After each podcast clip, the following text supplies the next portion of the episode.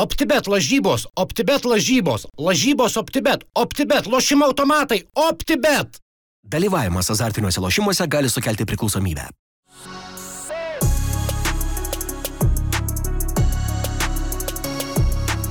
Nusipirkau kepurę kokią. Modariau atsivežti parodyti. Kiek 7, 79? Kažkiek jo, tą tokią, žinai, rūnai žvėjo tokią.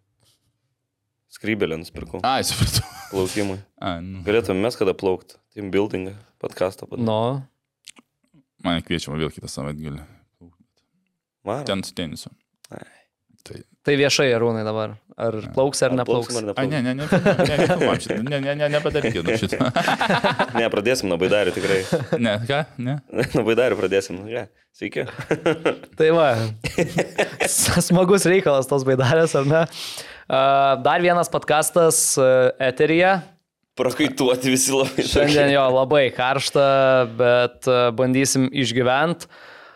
Arūnas Klimavičius, Benediktas Petkus ir aš Lukas Gintautas. Labas. A, Čia ant Sofkutės turime ir a, žmogų, kuris buvo vienas, tur, net ne vienas, o vienas, ar pats pirmas svečias mūsų, ar ne?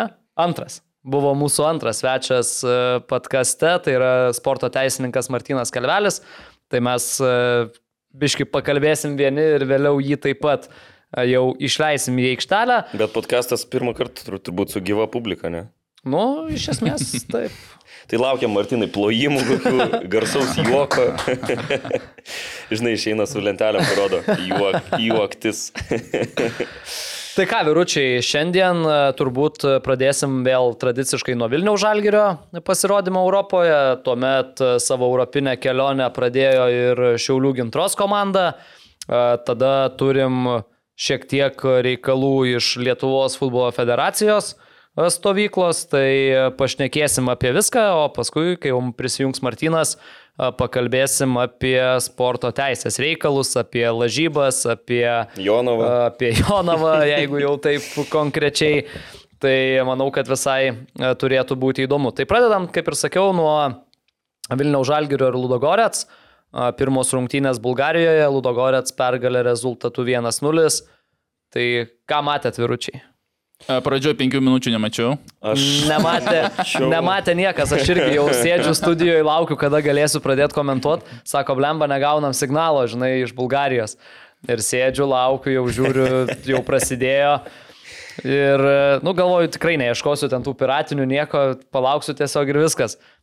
Antrą minutę įvartis pleš skoruose atsirado, ieškau to jau piratinio, tai radau piratinį, spėjau pamatyti įvartį.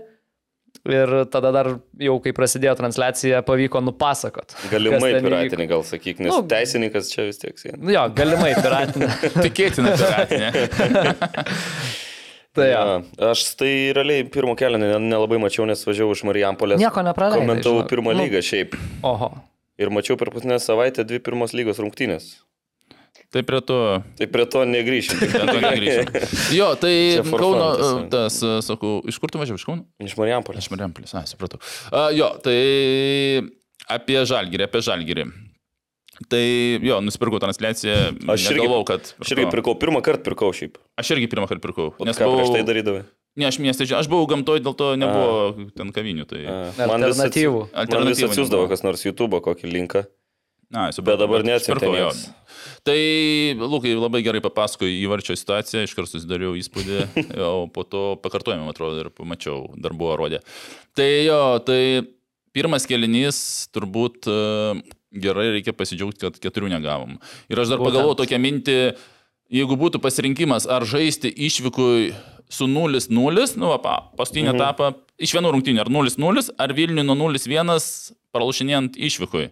Tai aš manau, kad pasirinkti reiktų Vilniui nuo 0-1, nes išvykoje Liudagorėse jokių šansų nebuvo, anksčiau nebuvo ir ateityje mažai šansų bus. Nebus.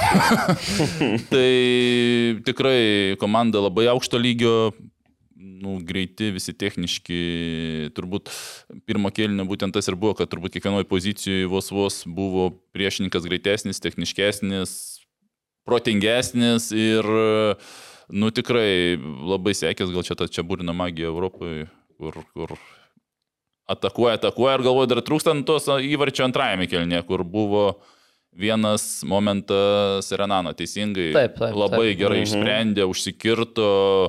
Ten smūgis matos, kad, nu, ne, tok, ne trajektorija, nebuvo ta teisinga trajektorija, aišku, mušė pilnai. Padėjomą mušė Martinai.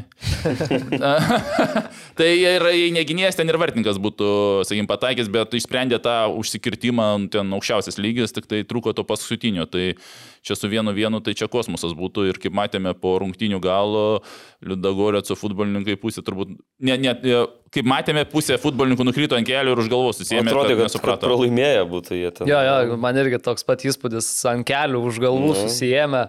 Nes, nu, man atrodo, kad suprato, kad, nu, Vilniui ant tos dirbtinės dangos, nu, tikrai nebus lengva tenais. Ir Žalgeris jau šiemet įrodė su tuo pačiu Balkanis, su Malmo, su tuo pačiu gli, Būdės Glimt.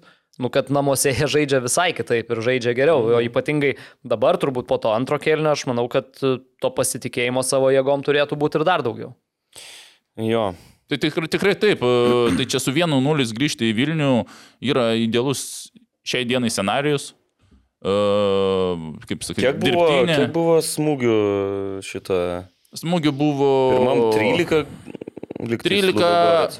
tai 13 bendrai pas mane parašyta. žalgerio, ir penki žalgerio, žalgerio. žalgerio pirmas į vartų plotą tik antro kelnio pradžioje Taip, taip, buvo. taip. Tai Tas pats Renanas galvas smūgiavo Mhm. į... Tai taip, taip, taip, taip, taip. Ir čia momentai pas mane parašyta 9-2. Kas čia antras tas momentas? Uh, Akur galvas smūgiavo. Nu, taip pat su galva. Vieną kartą smūgiavo, bet tokį nuo žemės ten... Toksai jo, jo. Ir, tas, ir, ir, ir, ir, ir, ir tas, tas momentas, apie kurį kalbėjom. Na, nu, aišku, kalbėti reikia apie Edviną Gertmaną vėl eilinį kartą, mes jau kiek kartų Kosmosas. kalbėjom, bet, e, nu, nežinau, jeigu ne Gertma, tai ten paskutinės ten- atakos, ten tos paskutinės 15 minučių, tai iš viso ten buvo. Gertmano šau realiai. Jo. Tai dar jeigu Gynėjai, gynėjai nebepabėga, tato, tato ten atsilieka per du Tai ir metrus nuo- Liudisavlevičius nu, ten praleidžia pro kojas kamolį. nu, Vidury aikštės ten. Labai blogai. O Gertma jo, išėjo kaip iš dantisto iš rungtynės. Apibintuota tą galvą. Taip, taip, taip. Bet kokį gavo ten tą spyrį į veidą. Jo, nebespėjau, kuo aš- pradžių atrodė, mačiau- kad dantį išmušė ten. Aš mačiau, net buvo diskusija, ar toks epizodas, jeigu būtų varas, tipo, nebūtų vertas raudonos kortelės. Tai aš tai labai abejoju. Ne, Nu, ne, ten, ne, ta prasme, tiesiog, žaidybinis epizodas, kur jau nespėjo patraukti kojos. Bet labai skausmingas toks. Jo. Jo, jo, jo, tai jo Gertmanui, aš nežinau, kokia ten dabar situacija su kontraktu ar su kitais dalykais, su agentais, bet e, po tokių sezonų reikia, kad jau pradėtų dirbti agentai, gal ir siūsti ir, ir e, žiemą bandyti. Po grupių. Po grupių, Jo. taip, o žiemą ieškoti dar aukštesnės stotelės, nes, nu, yra ką parodyti. Tai čia ne vienos rungtynės, čia ne dvi. Man Ne, tai atrodo, po- Džiu, nuolat. Džiugas Bartkus tada išvažiavo po, Po vienu, po Sevijos. Po jo, po tikrai idealių Sevilijos rungtynių. Tai dabar nuolat šnekam. O dabar nuolat mes šnekam jo, bet neužtenka mums šnekėti, reikia dar, kad biškai agentai padirbtų. Ja, nu tikėkime. Ir šiaip, nu, 26 metai Edvinui Gertmanui, Tai tai, dar- vartininko dar tik tai Jo. eina karjera į viršų, tai čia man atrodo, kad e, Įsivaizduokim, kad čia dar tikrai ne, nebus. Įsivaizduokim, kad nėra dar čia jo geriausia forma. Kad dar nėra ta pikinė.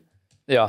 Tai grįžtant prie to galbūt praleisto įvarčio, tai realiai Žalgeris kontroliavo kamuolį nuo rungtynių pradžios, nu kaip kontroliavo, labai trumpai jį pakontroliavo, ilgas perdavimas į priekį, ten už galvų ieškant, e, kas galėtų užsikabinti, nieks neužsikabino iš esmės ir iškart e, pirma Ludogoreco ataka, Paveličiaus pražanga prie pat, prie pat baudos aikštelės, kur irgi rizikavo gan stipriai.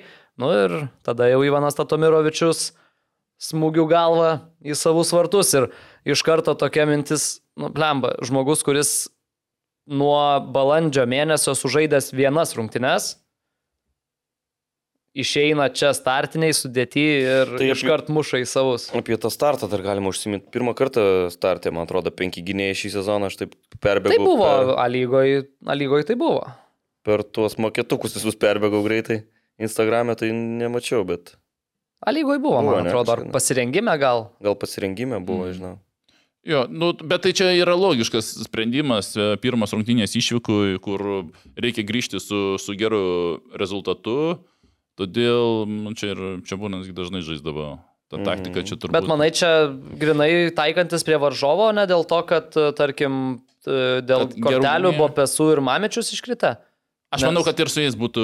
Sakai? Irgi būtų statę penki. Aš manau, kad būtų irgi statę... Nes aš tai galvoju, kad čia grinai pasirinkta dėl to, nes paveličių reikėjo atitraukti kraštą, nes nebuvo nei Mamičiaus, nei Bopesų.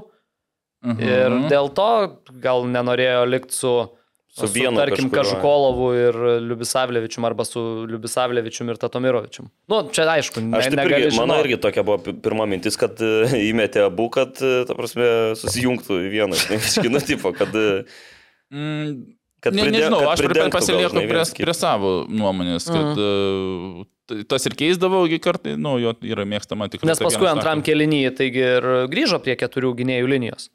Tai jau ir ten buvo ir keitimų, kaip ir... Taip, taip, Kažukolovą išėmė, Miličkovičių įleido ir tada Taip, liko... tada kaip ir ban- ban- gal buvo toks patikėjimas, kad antras kelnys pasikeitė ir reikia pabandyti, nu, neieškoti antro prasileidimo, o pabandyti, kol jie kaip ir tam, nes antras kelnys tai visiškai kitoks buvo, jau toksai ramesnis. Taip, taip, taip, iš, žymiai. Iš, lietuvių, iš Lietuvos pusės, nes tenais nebuvo tokių didelių gaisrų ir tokių momentų, kur, kad ten Liudagorėcas už galvos griebdavos, kaip čia mes neimšiam. Jo, jeigu per ankstesnės rungtynes e, vis kalbėjom, kad Miličkovičius gerą įspūdį palieka aikštės viduryje, tai vakar man Fabianas Urega labai patiko irgi ir perdavimai. Iš esmės, ką kūrė Žalgeris, tai buvo po šito prancūzo perdavimu. Paskui irgi Miliškovičių girdavom, kaip jisai sugeba aikštės viduryje, ten gavęs kamolį, išsisukti tarp kelių varžovų, išsirangyti ir e, išsi, atsilaisvint. Tai vakar Urega lygiai taip pat nu, labai gerai visą tą darė, tai tikrai paliko gerą įspūdį. Tai aš irgi pažiūrėjau, aš atsimenu, atsakiau, kad Oregos labai geras apvedimų procentas. Tai čia suprantama, lygui ten buvo. Tai ta, uh, vakar uh, iš 9-8 sėkmingi apvedimai. Mm. Uh, at, atsižvelgiant tai, kad Žalgiris nebu, nu, buvo dažniau spaudžiamas be kamulio, tai iš 304 perdavimų 82 procentai tikslių, tai iš 18, kai tu presingu, kai tai presinguoja, kai tu ieškai a, aštrinimų atakuojančiam futbolininkam 82, tai čia ne centro gynėjas, kur ten skirstai kamuolius į kairę į dešinę, tai va šitie visi duomenys buvo puikus. Kaip jums Kipro Kažukolovo žaidimas, Arūnai? Tu vis tiek centro gynėjas buvęs, matai, kaip tie centro gynėjai atrodo, kaip jie žaidžia. Perots dabar jau sumeluoto, pasitikslinsiu. Ketvirtos. Ketvirtos Kipro Kažukolovo rungtynės šitam sezone oficialios su pagrindinės komandos marškinėliais. Trečios startiniai sudėti, antros Europoje, nu, pirmas debutas apskritai Europinėse rungtynėse nuo pradžių. Tai kokį įspūdį paliko Kipras?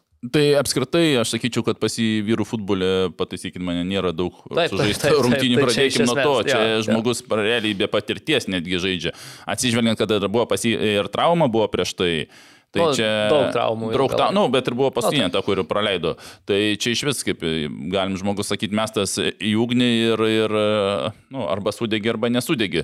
Tai be patirties, po traumos žaisti e, Europos e, lygos tuose plyofose, nu, čia iš, nu, tikrai yra, dar išvyko su, Su gera komanda, Su, su nu. gera komanda, kuri, nu, tiesiog e, atakuojanti ir visi greiti, bet e, Nebuvo tų kokių kažkokių kritinių klaidų, kur tas, aš pažiūrėjau dabar ir dvikovas e, 83 procentų laimėta, tai čia iš 6-5 laimėjo, nedaug buvo ten dvikovų, nes kaip penki gynėjai svarbu labai pozicijos, ne, kaip penki gynėjai svarbu pozicijos nepamesti labai stipriai ir e, kažkokio ten atsikirtimo, kaip kamalį žaidinį nepadaryti.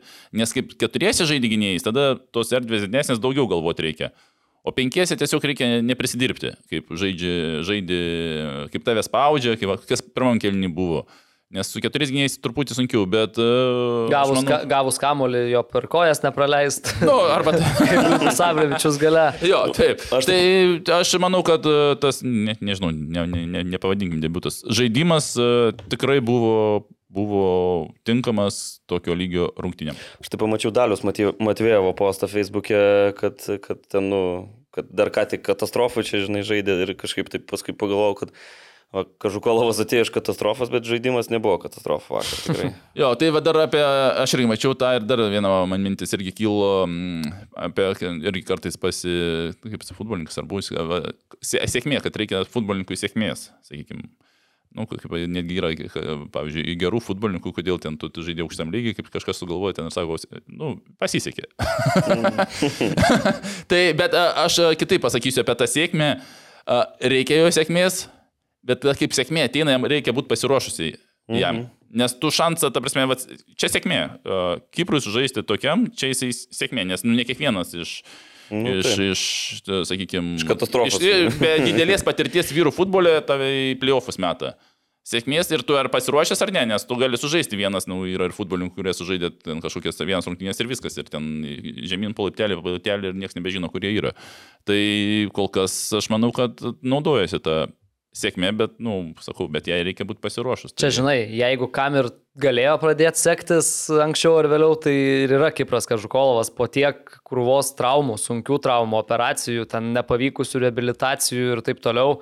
Tai, nu, iš tikrųjų labai džiugu, kad to šanso sulaukė ir, kaip matom, dabar juo tikrai naudojasi. Tai aš galvoju, kad dabar, kai matai, koks yra Tatomirovičius ir Kažukolovas, nu, tai Kažukolovas yra žymiai, žymiai geresnėse pozicijose dabar nei Tatomirovičius. Ir vargu, ar matysim Tatomirovičių dar reguliariai žaidžiantį. Nu taip, nes vis tiek, kaip bebūtų, Kipras dar jaunas žaidėjas ir vis tiek dar turi to tokio avanso ir, ir, ir to, tos, tos galimybės dar šiek tiek klys turbūt turi. Nu, iš to Tomirovičius jau norėtųsi užtikrinto žaidimo, ką kalbėjom irgi ne kartą čia apie, apie tai, kad legionierius turi daryti skirtumą aikštėje, o ne... Tai dar pa, aplinka, palank, aplinka dar palankinės ir bus A lygos rungtinių ir dabar tas ruduo, sakykime, reikia tik tai sveikam būti ir minučių susirinksi.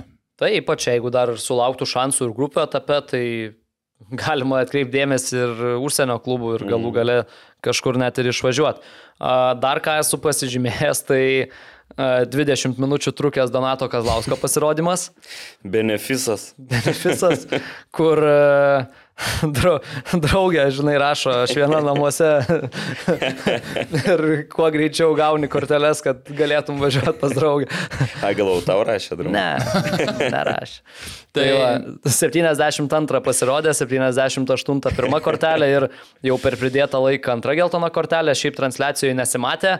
Kas ten buvo, bet vėliau jau po švilpuko Mikoliūnas su arbitru kalbėjo ir arbitras parodė va tokį aukūnės mostą, tai aš taip supratau, kad Tai aš manau, ten ketvirtas parodė ir nes e, aš irgi atsisukau po to, nes ir ten trenerių jau e, tuos solelis rodė teisėjų, kad žiūrėkit, ten kažkas vyksta, nes kameros buvo visiškai kitos. Aš netgi ir pirmą kortelę iš tikrųjų praleidau. Už ką pirmą? aš būtent pirmą praleidau visiškai. Aš, Aš ir pirmą prasme- ir antras nemačiau. Nu, Ne, kai, antros nerodė. Kai, antrą parodė kortelę, ta prasme, tą A, tai, tai mačiau. Bet, jo, jo, bet už ką gavo pirmą?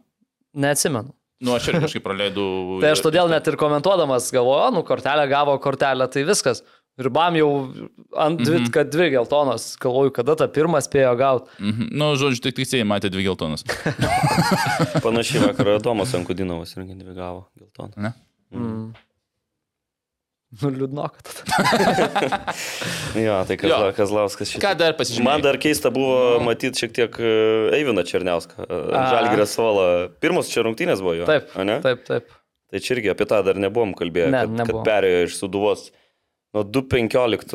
Ilgametis asistentas suduvos. Jo, prie šešių vyr trenerių dirbo.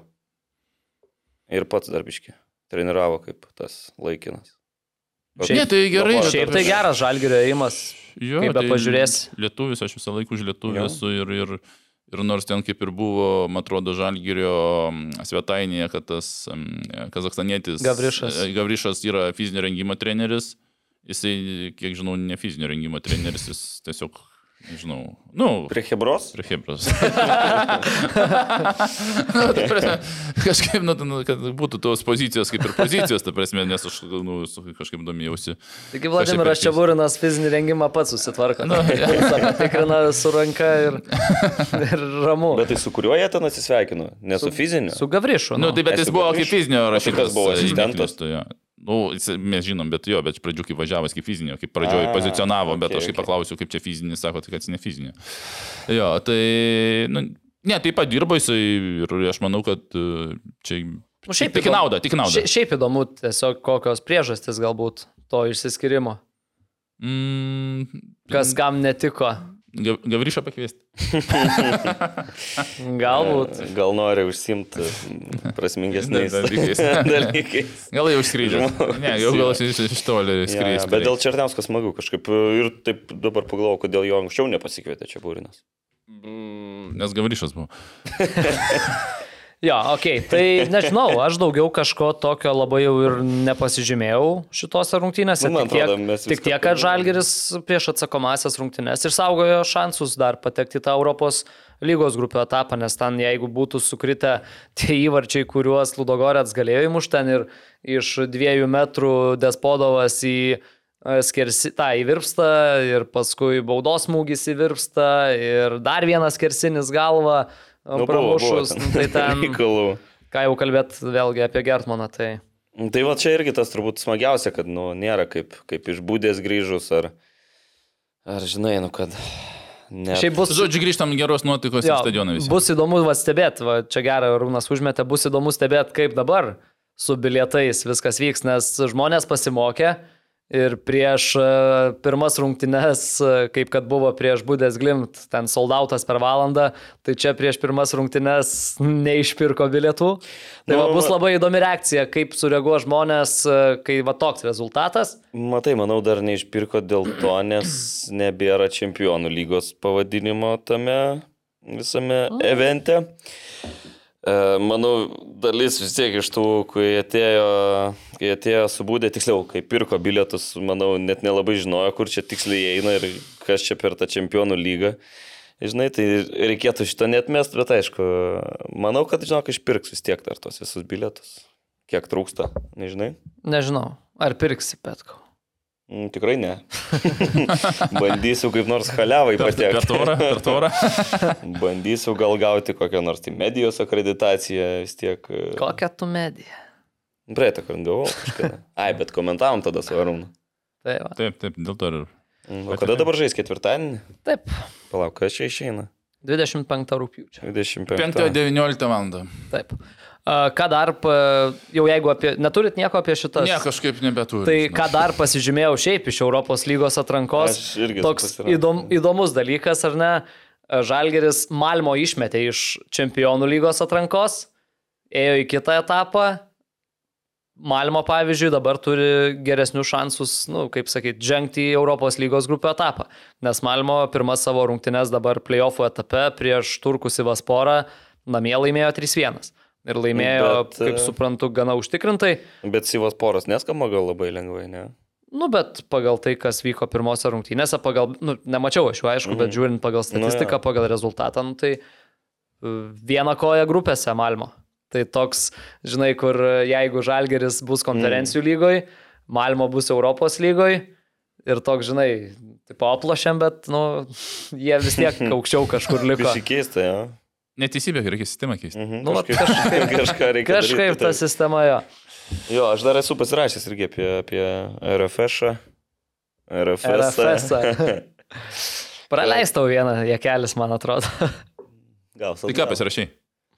Nu tai, kad išsigelbėjo pabaigoje, nu, atsilikinėjo 0-2 prieš Lindfieldą, kas jau irgi kiek ten kalbėjom ir, ir čatuose. Jo, turim visur, kad- Vieplay komentatorių čatą. Dar turim ir Širigos tą. tą Ir chatą. iš Rygos čatą turim.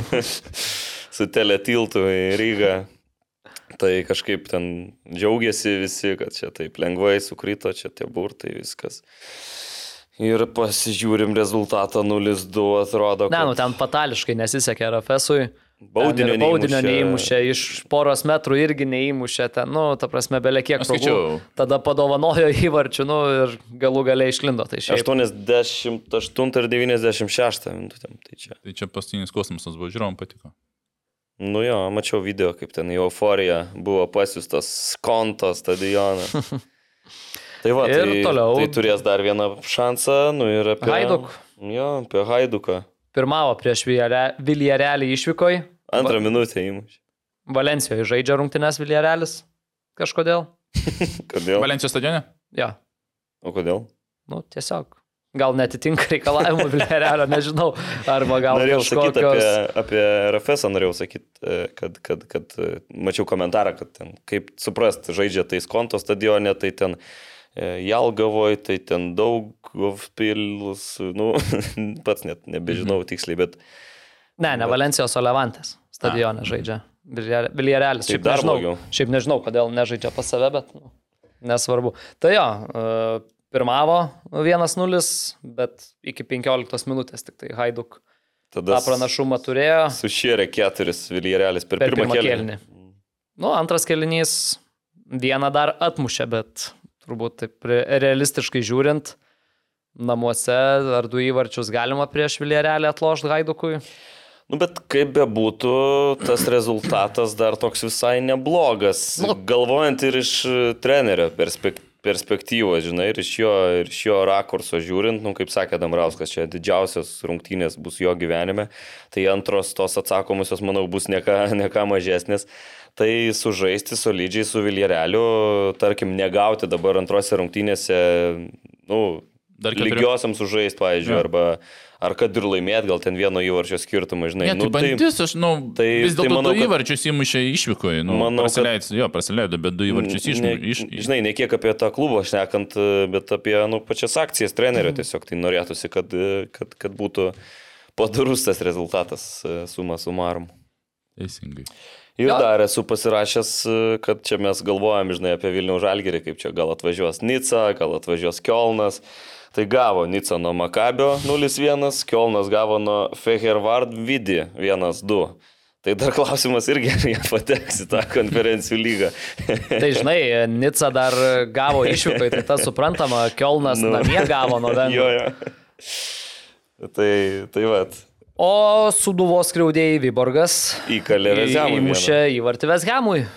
Ir kaip sužinė? 3-1 Veshamas laimėjo, A. bet e, šiaip e, grįžęs po Žalgirio dar 20 minučių pasižiūrėjau paskutinių, tai visai neblogai ten Vyborgas atrodė, tiesą sakant. O tu labiau žiūrėjai, nes norėjai pažiūrėti Vyborgą ir Vezemą. Ne, tiesiog pasidarė įdomu, nes Vieplay šitos rungtynės buvo vienintelės iš konferencijų A. lygos šito atrankos etapo, nes šiaip teisės nuo grupio etapo yra, tai galvoju, nu kodėl neįsijungus. Bet Jau, mačiau atrankų dabar yra. labai daug pusę, ne? Čempionų lygos. Rodoma. Čempionų lygos atrankos visos rodomos, A. o konferencijų ir Europos ne. Tai Viskas tiek apie Europą. Ir Poznanės Lech laimėjo šiaip. 2-0 prieš 2 Delanžą, jeigu apie kaimynus šnekam. Mhm. Nu tai paminėk tada visus. Kas dar? Rakovas, Ai, Rakovas, Prahos, dar. Slavija įveikė. A. Test toliau. Nebe, nebetęs. Dar. grįžtam, grįžtam prie Lietuvos. Lažybos, lažybos, lažybos, OptiBet. Dalyvavimas azartiniuose lošimuose gali sukelti priklausomybę. Grįžtam prie Lietuvos ir e, turbūt e, šį kartą e, galima jau po tokios pertraukėlės, ar ne, buvom šiek tiek pamiršę mūsų moteris, jos aišku dabar irgi turėjo pertrauką Lietuvos čempionate. Tai, Ten jos ir pačios pauzių prisidarė. jo, pačios pauzų prisidaro. Pačios, pačios užmiršo jos, man atrodo, biški save. Tai, tai Šiaulių gintra pradėjo irgi savo pasirodymą atrankoje į čempionių lygą. Ir pradėjo tą atranką pralaimėjimu ir pabaigė iš esmės tą atranką, nes pirmose rungtynėse Lenkijoje vyksta tas turnyras atrankos Lodzėje. Pirmose rungtynėse pusfinalyje to atrankos turnyro Kuopijo Kups komanda iš Suomijos pralaimėjo ir iš esmės mačiau pirmą kėlinį ir ten jokių šansų gintrai nemačiau. Tai aš visas rungtynės žiūrėjau. ir- Aš antrą tik kėlinį mačiau. Jo, o aš visas, Taip o aš visas. tai aš visas ži- žiūrėjau ir žymiai daugiau pasirašiau apie žalgyrį. Nu, man tai atrodė, kad ten galėjo būti labai blogai, dar Nu, nu, ši tai va. vartininkė neblogai, irgi traukė, Jo, tai neatsimenu va. tik pavardės. Čia vėl- Madison Lys. Jo, bet Mes- man čia su ta vartininkė irgi. Šiaip Lietuvoje jinai nestovi beveik. Ne, tai išeina po penktą minutę. Na, nu, taip, kai atlieka keitimą, bet nu, Aš čia buvo pradžių- keli atvejai Iš tokie. pradžių iš vis galvojau, kad ten Greta stovi dar. Nes panašu, užtikrinta abi dvi, ta prasme, iš- iš- tas, tas va buvo, man irgi toksai. Bet aš nuo pradžios, man iš pradžių aš uh, kaip po to pagalvojau, nu, kas čia buvo. Čia buvo, kas nežinojo, pusinalis ir finalas iš keturių Taip. komandų, viena patenka į top 16, teisingai? Taip. Ir gintrai buvo labai svar, svarbu uh, patekti Lietuvos atžvilgių, nes būtumėm antrą komandą turėję greičiausiai čempionų lygoje. Tai čia... Jeigu Gintra- būtume patekę į 16, 16, nu, jeigu būtumėm čia čia pusnelį laimėję finalą, sezoną- na, būtų dvi komandos greičiausiai. Atrankoj. Taip, e, teisingai, toks, nu, Nu, tai čia niekas nepatenka. Jo. Žalgris ten, ne? Nu, sakykime, nu, nu, kas antrą vietą užima. Tai čia buvo ne tik tai gintrai svarbu, bet ir kitom komandom tikrai, už kur, kurios turbūt irgi sirgo už tai, kad, kad gintrai pasisektų. Kitas dalykas, na, man dar toksai truputį irgi nu, čia pusnelis ir finalas, dvi rungtynės ir tu toj atrankoji. O kodėl, ne, nu, pavyzdžiui, negalim padaryti iš trijų, nes tai tu pirmas praloši viskas, tau nu, dinksta Taip, taip, motivacija taip. dėl ten trečios vietos žaisti. Tai dabar ir dabar žaisim. realiai tu pralošius pirmas, pavyzdžiui, ten e, tam kupsui, tu sekančias dvi laimi, nu čia vienam rungtynėm tik daugiau negu. Ir tu dar kaip ir pretenduoji, gal Bet ne- seniau ne- taip ir būdavo, man atrodo, kad žaisdavo labai, visos aš sakyčiau, visom. man pasirodė ant tokio atsitiktinumo, sakykim, kad, ja. nu, jeigu čia sprendžiasi tas dalykas ir tu tiesiog iš pirmų rungtynių pralašiai viskas, važiuoji namo. Ten dėl trečios neįdomu, ten nu 5000 tas skirtumas uh, iš, išmokų.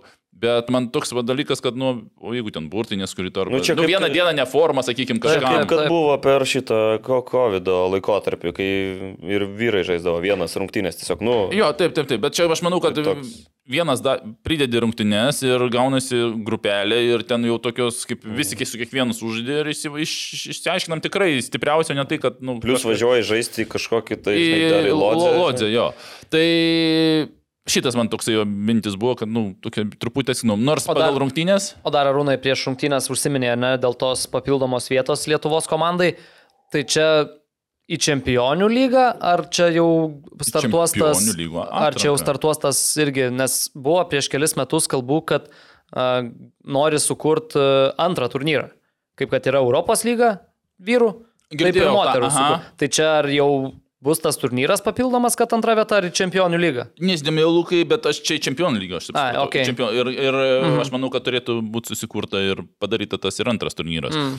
Tai kitas Tai ten dalykas. aš įsivaizduoju, veiktų panašiai, nu, ta prasme, tu pradedi čempionų lygos atranko ir paskui gal krenti į tą tada. Galbūt, jo, nu, bet e, kaip nuspręs tada ir padiskutuosim. Mm. Tai kas, e, sakykime, moterų čempionų lygių lygoje, kas čempionais tampa Lietuvoje, sakykime, iš UEFA gauni 65 tūkstančius ir ten po to dabar už trečią dar 5 dasidės, jeigu laimės. Tai po to, kai išeini, jau ten truputį kiti pinigai, bet pradžia, sakykime, kad įsivaizdavimui, ką, ką gauna klubas, tai yra 65 tūkstančiai už dalyvavimą šioje, šioje, šioje atrankoje. O dabar apie žaidimą. Mhm. Taip, aš sakyčiau, nu, rezultatas baigės 2-0, tai bet realiai pagalvotum 2-0, nu, nu, nepasisekė, ne tai, kad nepasisekė, bet, nu, pralašė, ten turbūt kovoja, bet realiai tokios kovos nebuvo ir pff, ten tiek buvo momentų ir Madison Lys tikrai buvo nebejotinai geriausia futbolininkė, pas mane čia statistikų 17 momentų parašyta, tai tenais pirmajame kelinyje Nu, tris perdavimus. Klausimas, ar padarė priešininkų aikštelį, galbūt vieną kartą, man atrodo, neklystų. Tai realiai tokio kažkokio pasipriešinimo nebuvo, nes e, Suomės buvo fiziškai stipresnis, greitesnis ir em, visas tas dalykas, e, tų momentų sukūrimas gelbėjo tikrai Madison Lys ar kažkokia truputį gal sėkmė, kad mes daugiau negavome. Tai ką aš čia dar pasižymėjau, ką aš čia dar pasižymėjau. A, tik viena lietuvė buvo pa, pagrindė. Algimantė Mikutaitė. Algymantė, taip.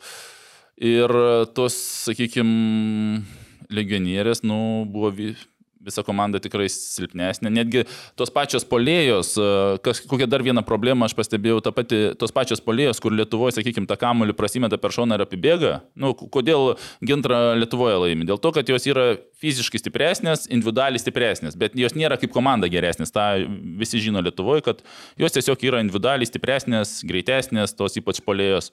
Tai tenais pirmam kelnyje, man atrodo, tris kartus bandė prasimesti kamuolį ir apibėgti, tai Suomijos gynėja apsisuko, korpusą pastatė ir e, visos dvikovos e, baigėsi Suomijos e, rinktinės, sakau, klubo gynėjų naudai.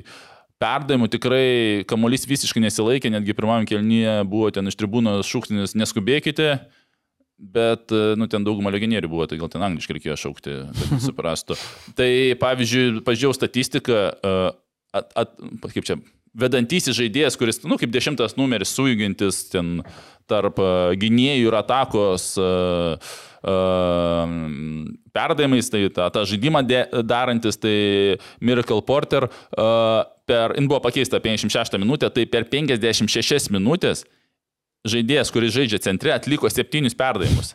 Tai Išeina kas 10 minučių, jis atlikdavo vieną perdavimą, kuris, e, kuris, na, nu, pakankamai tiksliai dar atlikdavo tuos, sakykim, bet tai įsivaizduojam, žmogus centre laksto 10 minučių, atlieka vieną perdavimą, vėl laksto 10 minučių, atlieka vieną perdavimą. Tai supraskim, kad, nu, žaidimo praktiškai tokio kaip ir visiškai nebuvo. O aišku, Madison Lis geriausia futbolininkė, nekarta gerai, labai panašiai tikrai į greto žaidimą, toks užtikrintumas, man, sakykime, tikrai. Smūgį, 33 smūgį, tai kas trečią minutę po smūgį atliko Suomijos. Tai 2-0 dar neskamba. Tai 2-0, labai sakau, blogai, jeigu tu nu. pažiūrėtum, 2-0 pralašė, nu pralašė, bet ten jokių šansų nebuvo į kitą etapą žengti. Ir dėl to ir sakau, kad va, kaip ir 2-0 pralašė, galbūt tą dieną, sakykime, gintros nebuvo pati geriausia. Tai, bet jau viskas, šie metai užsidarė dėl 5000 su kovos. Dabar žaisim su Anderlecht. Sandėlė, pažiūrėsim. Anderlecht pralaimėjo Lodzijai. O ne, atvirkščiai? 2-0. Ne. Nu, kad uh, mielas bičiuli. Nu, palauk. Ne, 3-2 Anderlechtas Bet laimėjo. ten, žinok, labai keistai e, rašė tą rezultatą, žinok. Nu, va, flash score'ose labai aiškiai rašo, Nu, palauk, 3-2 aš Anderlecht žiūrėjau- laimėjo. Aš žiūrėjau šito... Tai žodžiu, Čempionų žais- lygos puslapį. a, sakykim Palauk, tai, išsiaiškinsim. Ne, ne, žais su šeimininkėm su Lodzės komanda. A, ne? 3-2 Anderlechtas laimėjo. Mhm. Gal tu anksčiau žiūrėjai, ten buvo 2-1 dar. Ne, atsilikinėjo Anderlechtas 0-2, Mhm. bet e, gavo. Ai, tai gal, tu, gal tie įvarčiai buvo ten nesuvesti kažkaip. Nu, gali būti. Tai va, Nu, jo. tai apie moterų... Tai jie bet krentam. Kalbant apie gintrą, aš dar ką pasižiūrėjau, kaip sekėsi gintrai paskutiniais metais toje čempionų lygoje. Tai buvo tie garsieji metai aštuntfinalis su Barsa. Tada kitais metais, tai yra 2018-aisiais, tą atrankos etapą pavyko įveikti ir į 16-uką pavyko patekti ir žaidė ten tada su Prakos Lavija. Ir nuo tų metų, tai yra nuo 2018, e, to atrankos etapo gintrai praeiti nepavyksta. Mm. Ir tarptų nepavykusių bandymų yra daug tokių skaudokų rezultatų. 7-0 prieš Valerangą, toliau 8-1 prieš Breidabliką. Nu, Tokių net komandų nėra realiai. Jo, tai Gintras šiuo metu 30 Skandinavų. reitingė, aš, aš kupso neradau, nes aš kaip supratau, gal naują komandą e, reitingė. Nu, nebuvo, žinokit, aš, ne, nu, jeigu surasit gerai, bet aš suve- suvedžiau e, Suomijos reitingą, ten keturios komandos, be kupso man kažkodėl išmetė. Tai dabar, Lūkai, kaip tu sakai, va, kad paskutiniai metai ten kiek ten 3-4 su dideliais ir, ir dabar galvoju dėl ko ir man atrodo, aš sakyčiau, kad moterų futbolas kitose šalyse žengia į priekį žymiai greičiau negu Lietuvoje. Nors mes, kaip sakėm, Lietuvoje tikrai paskutiniu metu ir tų mergaičių ir kitų dalykų mm. aš pats susiduriu, sakykime, su, su, su tuo pasiekį, kas ten vyksta, tai tikrai mes žengiam, bet aš manau, kad um, tas moterų futbolas, ypač va buvo gi dabar ir tas uh, uh, Europos čempionatas, nu, tenais ant tiek teisingai žaidžia, ten, um, mano tokia mintis buvo, kad ten uh, vyrų komandom reikia jungti moterų tą ir ten tiesiog visi teisingai daro viską. nu, būna jokių užlaikymų, kada reikia perdavimą žemais, nu, ten moteris ir manau, kad uh, su kiekvienais metais mūsų tas Europos va, atranka, bandymas patekti neįtikėtinai bus sunkus, kas, kas buvo ir šiais metais, tiesiog, kad kitos šalis žymiai, žymiai greičiau eina ir gal anksčiau pradėjo tą ėjimą, todėl kaip ir vyrų futbole esam besivenčių vaidmenį ir netgi tos ir legionierės dabar realiai tai nežaidė lietuvės, žaidė tik viena lietuvė, Taip, taip, legionierės. Tai vis sunkiau jas prisikviesti, nes tu matai, kad nu, kviečia dėl, labiausiai kviečia dėl čempionų lygos į gintrą, o ne kad laimėti čia Lietuvo Na, taip. čempionatą. Tai pažiūrė keturių metų statistiką ir galbūt į kupsą yra geriau važiuoti negu į gintrą, nors gintros reitingas tikrai geras yra. Kupsas nauja komanda, Tai va, 2018, tik įkurta pernai pirmą kartą laimėjo, tai dabar ir žaidžia. A, tai dėl to aš neradau jų reitingo, nes man buvo pažiūrėti įdomu, nes gintros reitingas tikrai geras, nes vienu metu netgi Milaną linkė, kuris buvo irgi nesenai įsikūręs. Va, ir da- dar taip čia į tą, apie tą ko- koeficientą visą pradėjau galvoti. E, žiūriu, ir Romo, ir Juventusas laimėjo savo rungtynės, galvoju, būtų neblogai, jeigu pakiltų ir Italija šitam reitingė ir turėtų ne dvi, o tris komandas, tada Milanui daugiau šansų, žinai, patekti. Nes pernai liko trečios Milano Mhm. futbolininkės ir nepateko į šitą Tai manau, Čempionų kad Milanas ir natūralioje atrankoje tenais turi galimybę. Nu, taip, bet, ta prasme, nes pakankamai nauja komanda, tai kaip su patirtimis Tai jau susi- susirinkus nepersikviesi iš Juventuso į Milaną, nes, nu, Ne. kol kas tai nauja. Tai aš manau, kad jie pajėgus ir natūralioje atrankoje laimėti tas vietas Italijoje. Gerai, tiek turbūt apie moteris, ar ne? Uh, užsiminiai, kad norėsi pakalbėti apie Baltijos taurę. Ne, tai mes Uh, ten... vyks Baltijos taurės turnyras, šiemet ne trijų, o keturių komandų. Ir kaip bebūtų keista, ta ketvirta komanda nebus Suomija, kuri jau yra dalyvavusi ir ne kartą, o ketvirta komanda bus Islandija. Kaip jums kaip, kaip jum, Baltijos kaip jum jūros. Baltijos taurės turnyras su Islandija? Nu, mes ten čia šiek tiek e, kalbėjom e, apie šitą, tai direktoriui labai nepatiko. Kaip supratau, šitą, šitą idėją direktorius e, išvaro. Visiškai pasi- pasipiktinęs. iškeliauja vėl, ne? Jo, vėl kažkur išskrido. Tai, Tai jo, va, direktorius buvo e, Bet man asmeniškai tai atrodo, kad viskas čia gerai, tegul žaidžia Islandija, tegul žaidžia, koks skirtumas. Bet kas, nu, ar yra svarbi kam nors Baltijos taurė šiaip? Nu, aš manau, kad Baltijos taurė svarbi Lietuvai Latvijai, tai nes labai geras dalykas yra pastikrinti. Nu, čia toks truputį nu, prestižo tai yra bet reikalas. Tai, nu, čia nu, jo. draugiškos rungtynės tiesiog. Nu, ne, ne visai draugiškas, Benediktai e, norisi laimėti Baltijos tą taurę, nes, nu, tam regione, kaip ir mes čia dabar konkuruojam, nes mes esam tie nikštukai, kurie bandom čia vytis ir arba bent jau Nu, aplenkti savo čia kaimynus. nėra savęs apgaudinėjimas toks tiesiog ir viskas. Nu, kad- tarp nikštukų irgi reikalinga konkurencija. Nu, kaip ir tu nori Ne, nu tai jo, tai iš- iš aš principo. suprantu, ne, nu tai, bet tai, man atrodo, čia tiesiog yra draugiškas turnyras ir dabar jeigu čia Islandai pasijungia, nu tai nebus blogiau niekam nuo to. Nu, Ne, ne, tai mes blo- tai blogiau tik tiek, kad mes Islandus ir Jo, gavom. gavai pusfinalį. Jo, nu tai tiek jo, nu bet... Tai... Nes įdomu, kaip ten pradžioje buvo statomi mes tikslai. laimėjom paskutinę kartą? 2010. Aha. Nes įdomu, kaip buvo statomi tikslai pavasarį Ivanauskui ir žinojau, kad e, Baltijos taurę laimėti reiks, kad Islandus dar reiks įveikti. Nu, vėliau, vėliau tas išaiškėjo? Nežinau, tegul pakviečia Lenkus, tegul pakviečia Šiaip, nu, dar kažką. šiaip Lenkai net būtų Aš manau, kad- logiškiau. Aš manau, kad gal ir kvietė, žinau, gal tiesiog nenorėjo jie dalyvauti. Tai tada kam iš vis ta ketvirta komanda? Ukraina dar ir. Ukraina dar va yra. Nu, nu, Gal, irgi ne gal- Baltijos gal jūra, bet. Nu, tai bet tiesiog. nu, kaip kai- kaimynai, taip, draug, taip. draugiškos. Atsisakė, nežinau. e, Nežinau. Nes, nu, iš esmės dabar- Aš tai esu už, nes tai bus dar vienos e, geros papildomos draugiškos rungtynės tiesiog. Bet gal tada aš Nu. nelabai suprantu to formato, jeigu pusfinalis ir pusfinalis ir finalas. Taip žaisa, ne? Taip, Taip, jo, taip, mes su taip. Tai Islandais. tada, e, man atrodo, geriau gal padaryti grupę, žinai. Tai Nu, čia būtent klausimas, ar yra anksčiau, tiek vietų. anksčiau taip ir būdavo. Nu. Trys, rungtyn, trys komandos dalyvauja, visi su visais sužaidžia viskas. Tai Nes- matai, esmė laiko tarpas ir dvi rungtynės ir trys yra truputį skirtingi. Na nu, taip, bet tada, bet tada, man atrodo, biški pointless gal tada pakviesti va stiprią Islandijos rinktinę, nes e, arba Latvija arba Estai negaus su jais sužaisti. Nu, burtai. Nu taip. tai Kur tai- tada, Tai tas pats buvo tada, kai ir Suomiai dalyvavo. Nes dabar, jeigu, nu gerai, mes žaisim pusfinalį, bet jeigu būtumėm gavę pusfinalį, ten tarkim Estus, gaunam ir su Islandais nesužaidžiam. Tai tada sakyčiau, nu, nesąmonė, nu. Negaunam pažaisti su stipriai rinktinė. Nu, aišku, klausimas, kokie ten atsiūs dar tie Islandai rinktiniai. Nu tai vis tiek bus rinktinių langas, tai Nu jo. nebus ta prasme, kad visiškai kitokia ta rinktinė. Bet aš tai už. Ne, nu įdomu, iš, iš, iš principo, iš, kaip jie čia atsidūrė tie Islandai. Aš tai už e, turėti, turėti šitą, žinai, sparingą su gera komanda. Nu, Nes, taip. nes jokio prestižo šitam turnyrė nematau. Esu, Nu, dar, taip- esu dar daręs kažkada prezentaciją kaž- kažkoje dar mokykloje. Dėjom visokius, Apie Baltijos čempionatą. dėjom visokius tipo, darėm reklaminį video Lietuvai ir tipo dėjom visokius ten debiliškus faktus, žinai, ten e, didžiausias moliūgas, ten, žinai, ten 141 vieta pagal plotą, nu, tipo tokie, žinai, ir kad ten tris kartus Baltijos taurė, žinai, laimėta, tipo ten. Nu, va, tokius šūdus darėm tiesiog ir viskas. Ok. Tai jeigu 20 pasinkart laimėta, nu tai... Tai Islandų nereikėjo kviesti ir laimėti.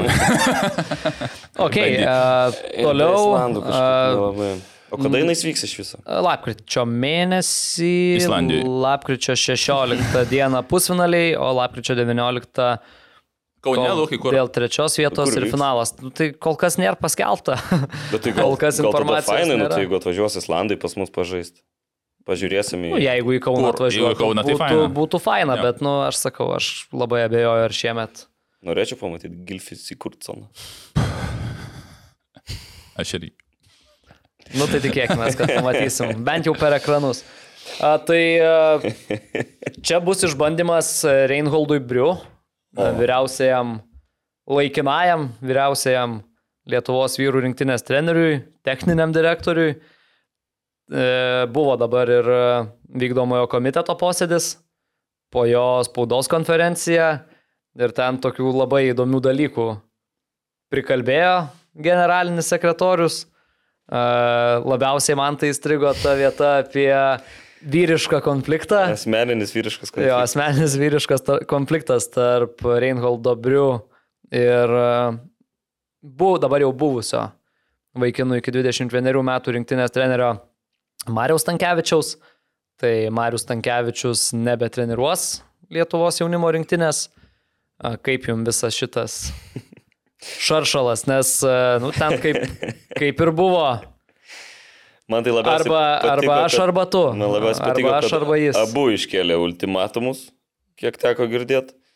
Ir galiausiai buvo pasirinktas Reinholdas Briu, nes, aš kaip suprantu, mm, surasti žmonės tada reikėtų į dvi pozicijas, jeigu su juo atsisveikintų.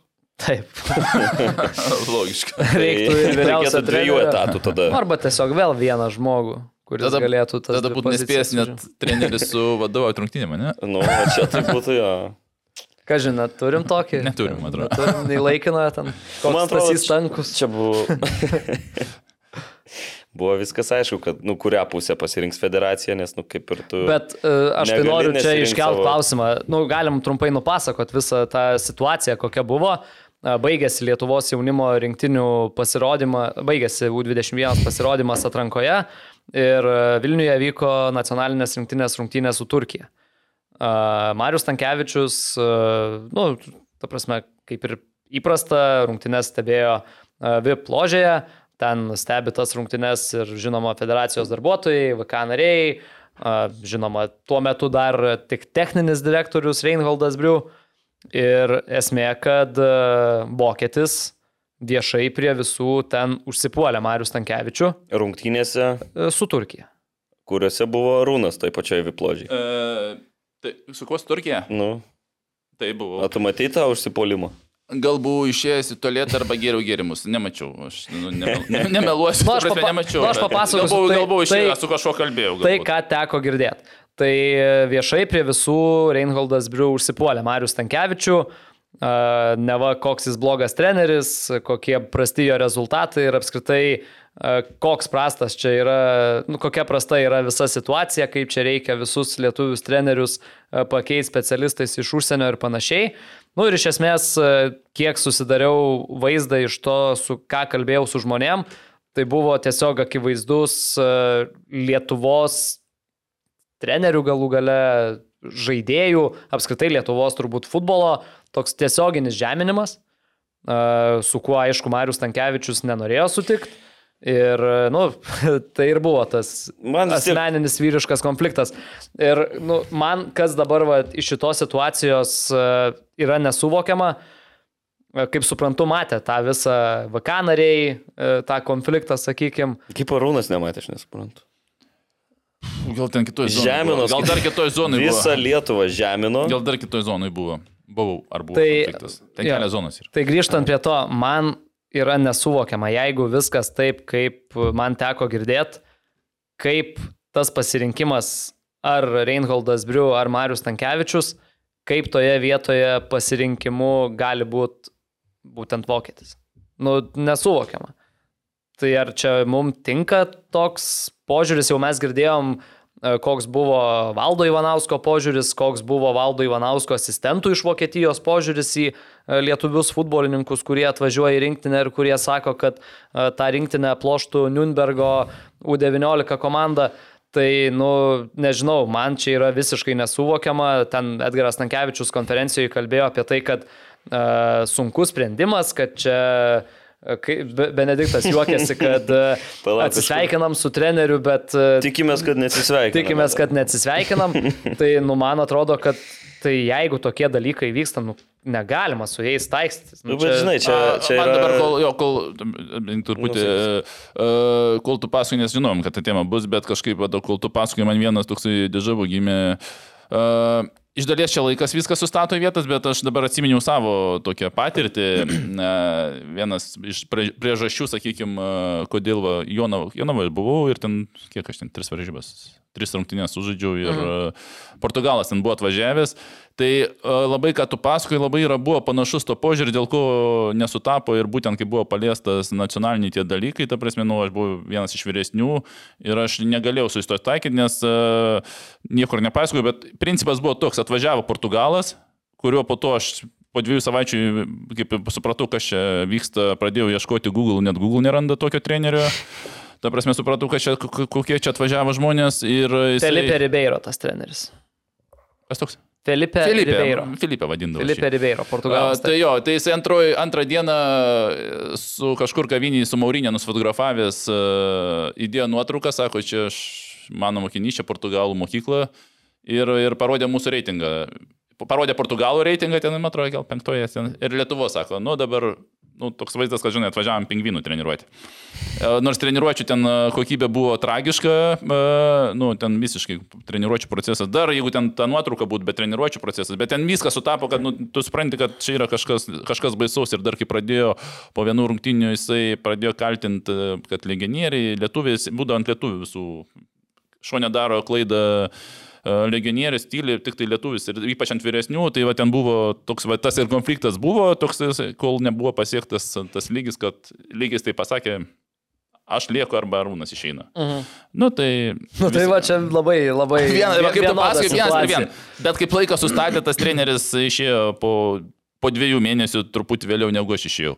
Tai va tas Tai va, čia- čia irgi labai galima- Nes tokį pasakoju, tas pats. Tas pats Tai buvo. bet va šitoj va vietoj čia irgi gali lygiai tas pats va tuoj būt. Taigi, kaip e, paskyrė Reinholdą tuo vyriausiųjų rinktinės treneriu, taigi sakė laikinai. Ar ne? Jo. Nu tai pasižiūrėkit, kas čia liko iki metų pabaigos. Ne, nu, bet tai jis liks langai. e, techniniu direktoriumi, liks vis tiek.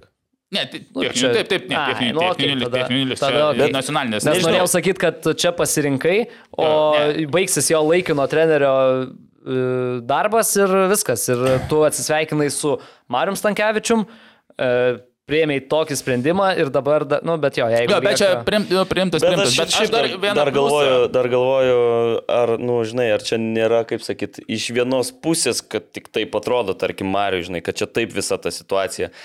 Nu, aš nu, ne, nu, man ne labai- iš vienos pusės tą girdėjęs esu. jau. Man labai kažkaip sunku įsivaizduoti, žinai, kad gali ten vat, kažkur vypė atsistojęs, varyt ant, e, žinai, ten ant trenerių ir ant e, visų lietuvių. Nu, Nu, kažkaip. žinok, ne vienas žmogus yra tą man Ane. irgi pasakęs. Tai. Ir tipo visi aplinkui Ir normaliai. sakė, nieks nieko nedarė. karpo, Niekam vis- sakė, niekas neįsiterpė, niekas nieko nedarė. Nu, man kažkokia nesąmonė, tada čia visiškai. Jo, bet aš dar tada kitą tokį pozityvą pa, pa, irgi pagalvoju apie tą situaciją. Man patiko, sakykime, nes vis tiek Marius, nu, kaip ir perspektyvus treneris ir, ir ten Italijoje dabar jau mokosi, sakykime, to, to Rudenį, tu, žymioji. toj- rudenį turės jau pro licenciją. Taip, to žymiojoje Italijos akademijoje, kaip suprantu. Tai man patiko Dambrausko žodžiai, kur sako, kad nu, rinktiniai treneris turi per mažai rungtinių, kad tobulėtų. Tai va kartais būna gyvenimas, tau spiria į užpakalį ir išmeta galbūt per burtą, bet tas per burtą išmetimas, e, žiūrint ilgalaikį perspektyvų, duoda žymiai daugiau naudos, negu galbūt ten komfortiškai ant gulto gu- gulinti laive, o už laivo tu išmoksti plaukti. Ir į laivą grįžti kapitoną, ne? Oho, Rūnas čia kokį svaro. Dabar sugalvoju, tik tai nesiruošiu. pats rimtai Jo, dabar, jo, jo. dabar, dabar sugalvoju, nes nesiruošiu tikrai tam. Ne, bet, O, Ne, bet man geras buvo mintis, Bet buvo čia. mintis ta, bet tai gerai. laivu. Šiaip labai neblogai. užrašyti kur nors. Jo, jo, jo. Nu, įkelsime tą, ne? Pavadinimą galima. Jo, tai bet e, iš principo va, man Dabrausko žodžiai, kur patiko, tai čia yra tikrai. Ne, aš- man aš- yra jaunas treneris ir aš tam pritarčiau. irgi. žymė daugiau tų treniruočių ir e, rungtynių. ir Kiekvieną tenais, dieną bet, e, bet tuo, kaip jo. tu kartais gyveni tą, kokį, sakykime, komfortiškesnį ir, ir gal jis ir nėra blogas kelias.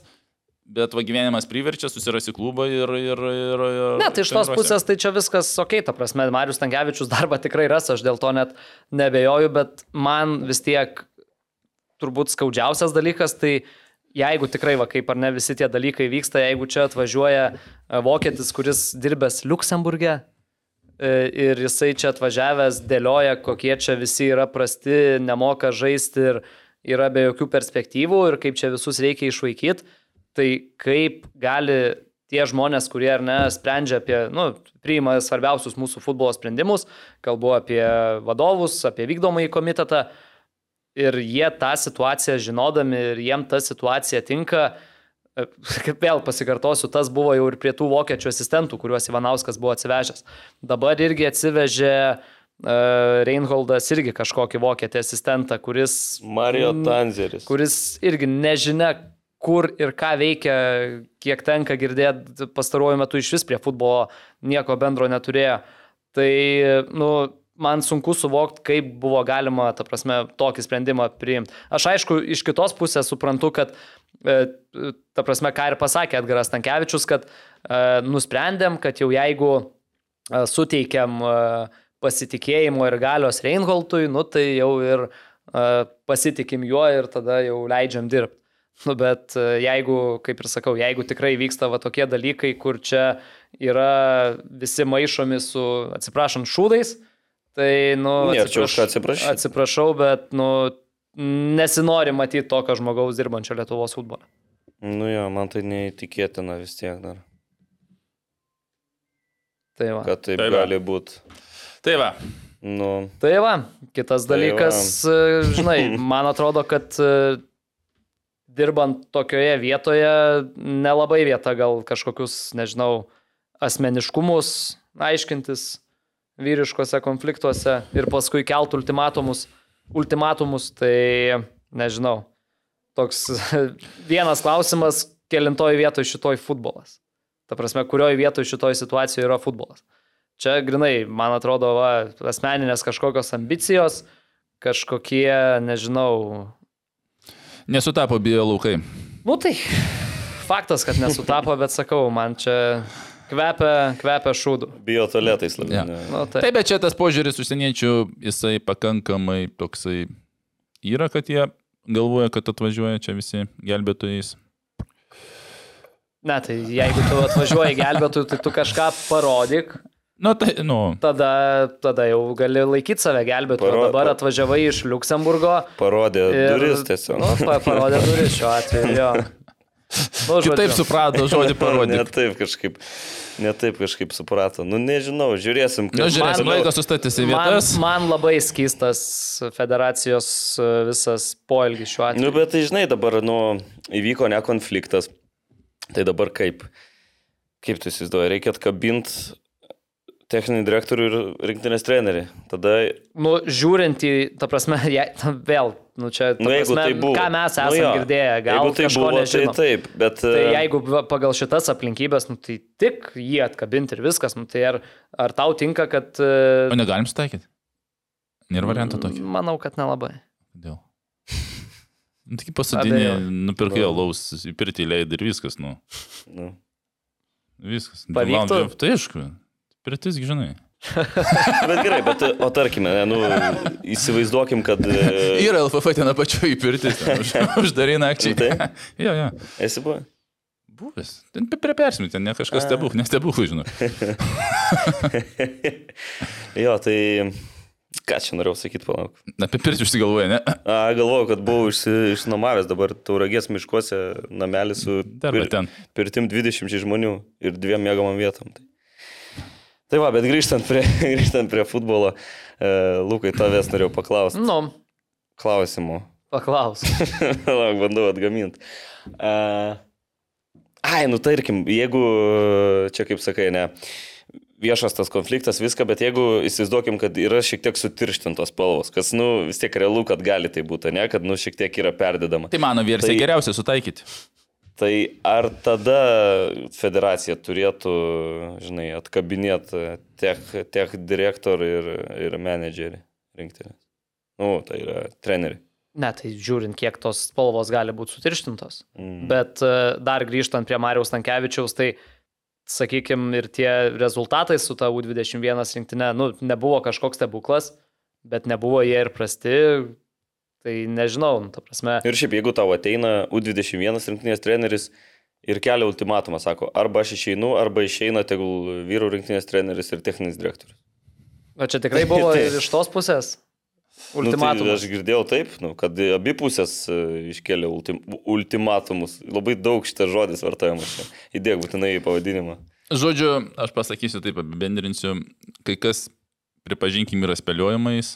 Nu, Ne, tai tu čia realiai jo, viskas jo, yra jo, jo. spėliojimas. Nu, daug, daug, bet Nu, aš Nu, yra kaip yra, nu, man tiesiog man- mes apdiskustavom Man atrodo, kad šitoj stacijai čia Marius net negalėjo, žinai, Nu, ne, kelt kažko, nes Tai nu, čia būtent, ta- buvo aišku. prieš vėjo malūnus čia, nu, Va. tipo, tai arba tu susitaikai ir bandai kažkaip dirbti, e, žinai, gal kažkiek ten nuleisdama, žinai, savo ego ar kažkokius savo arba paprašai, kad į šoną. Arūnai, tu labai nori, man atrodo, įpirti. o, o, o gal jis ir net nelabai čia benorėjo dirbti, žinai. Nežinau, Na. tada turbūt kaip ir viskas šitoj daly. Mhm. Kviečiam į aikštelę Martyną, Bet, žiūrėk, galim pirmą iškvies, kad ateitų ir tada reklamą tai padarom, kad būtų Ai, įėjimas. kad matytų, kaip įeina. Jo. Padarom, nu. Kviečiam, plojimais, pasitinkam. Lažybos, lažybos, lažybos, OptiBet. Dalyvavimas azartiniuose lošimuose gali sukelti priklausomybę. Ką, grįžtam po pauzelės. Martinas Kalvelis jau prisijungė prie mūsų. Kaip Martinai? Sveiki. antras grįžimas į studiją turbūt daug drąsesnis, ar ne?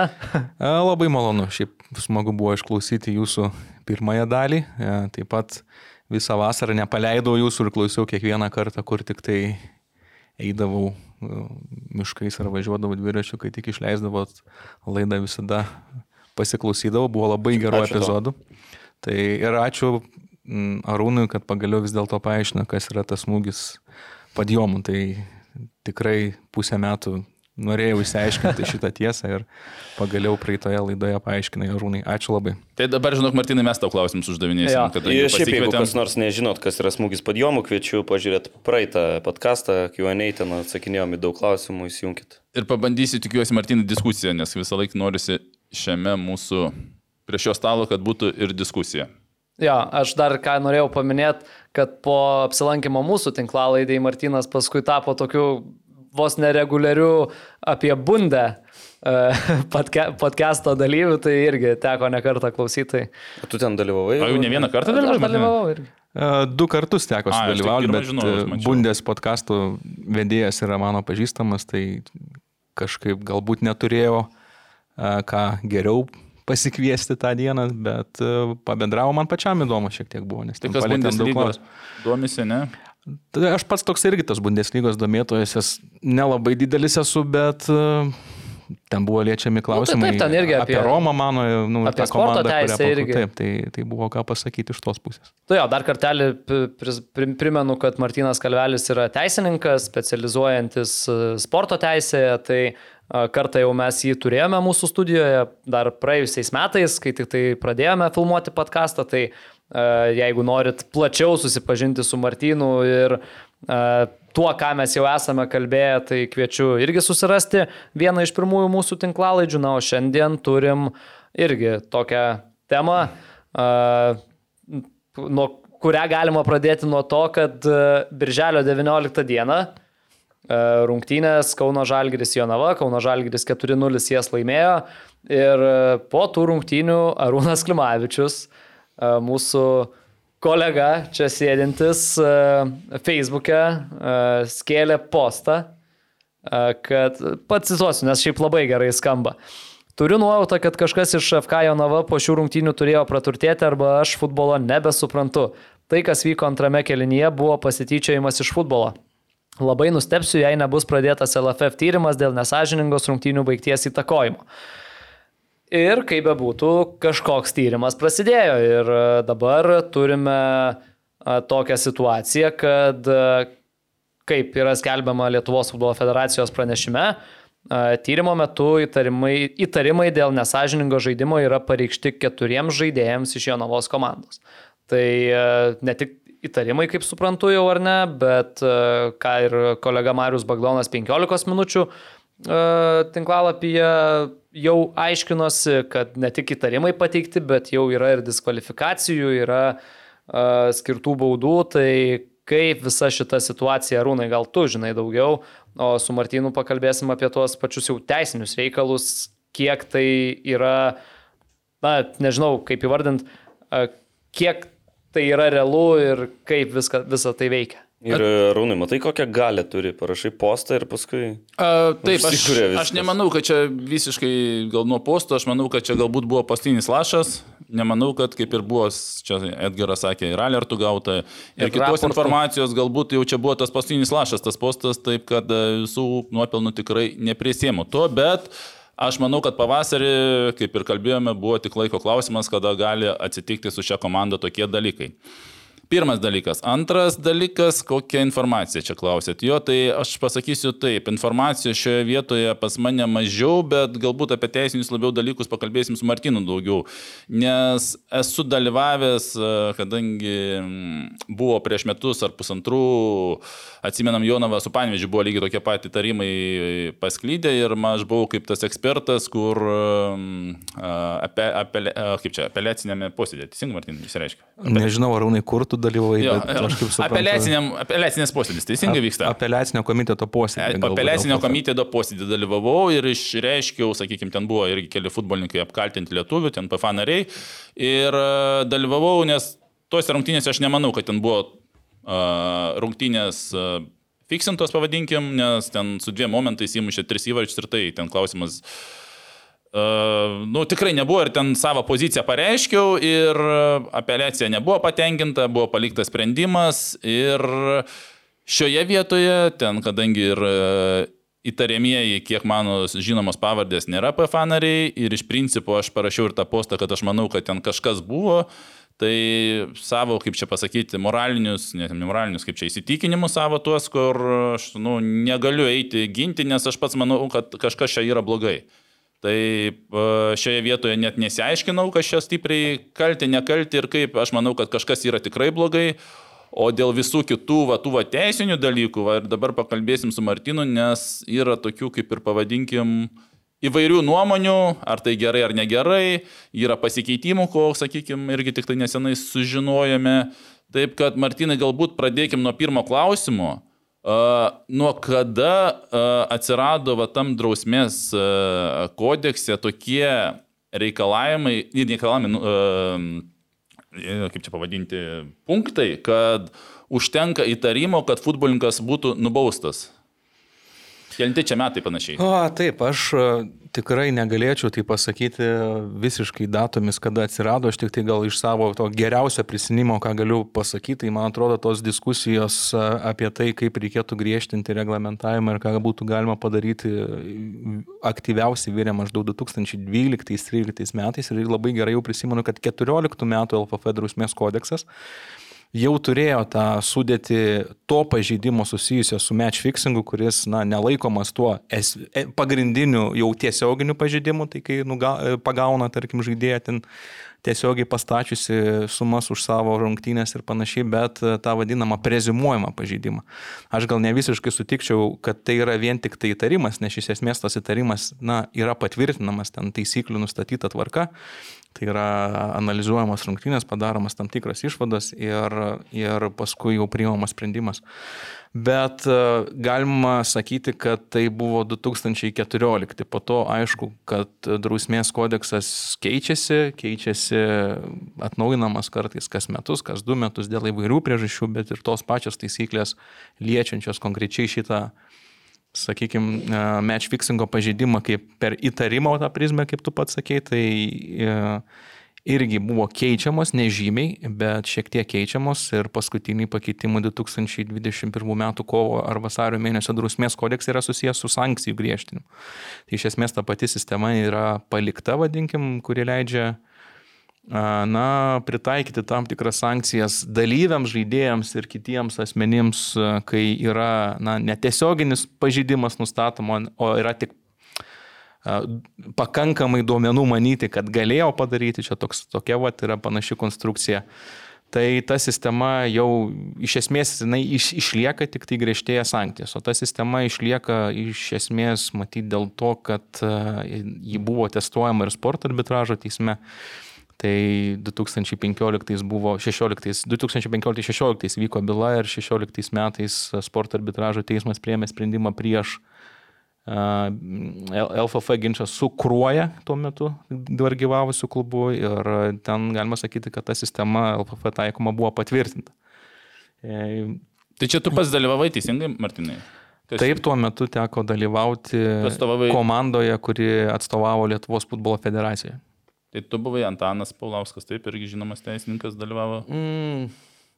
Dabar uh, Antanas tiesiogiai toje byloje nedalyvavo, jis iš šalia gal buvo kaip tuo metu labai aktyviai veikiantis uh, futbolo federacijos, uh, Ai, pat, pat, patariantis futbolo federacijai. Pat- Tai mes su Antanu esame bendravę, bet uh, tiesiogiai to sąrašo dabar dalyvių nelabai galiu prisiminti, bet iš esmės e, tas sąrašas yra ir sprendime, kuris yra visiškai viešas ir diskutuotas labai išsamei. Tai galime sakyti, tos bylos įtaka ir dabar yra tai, kad e, realiai nieks neina iki kaso ir visi susitaiko su sprendimais e, Lietuvoje.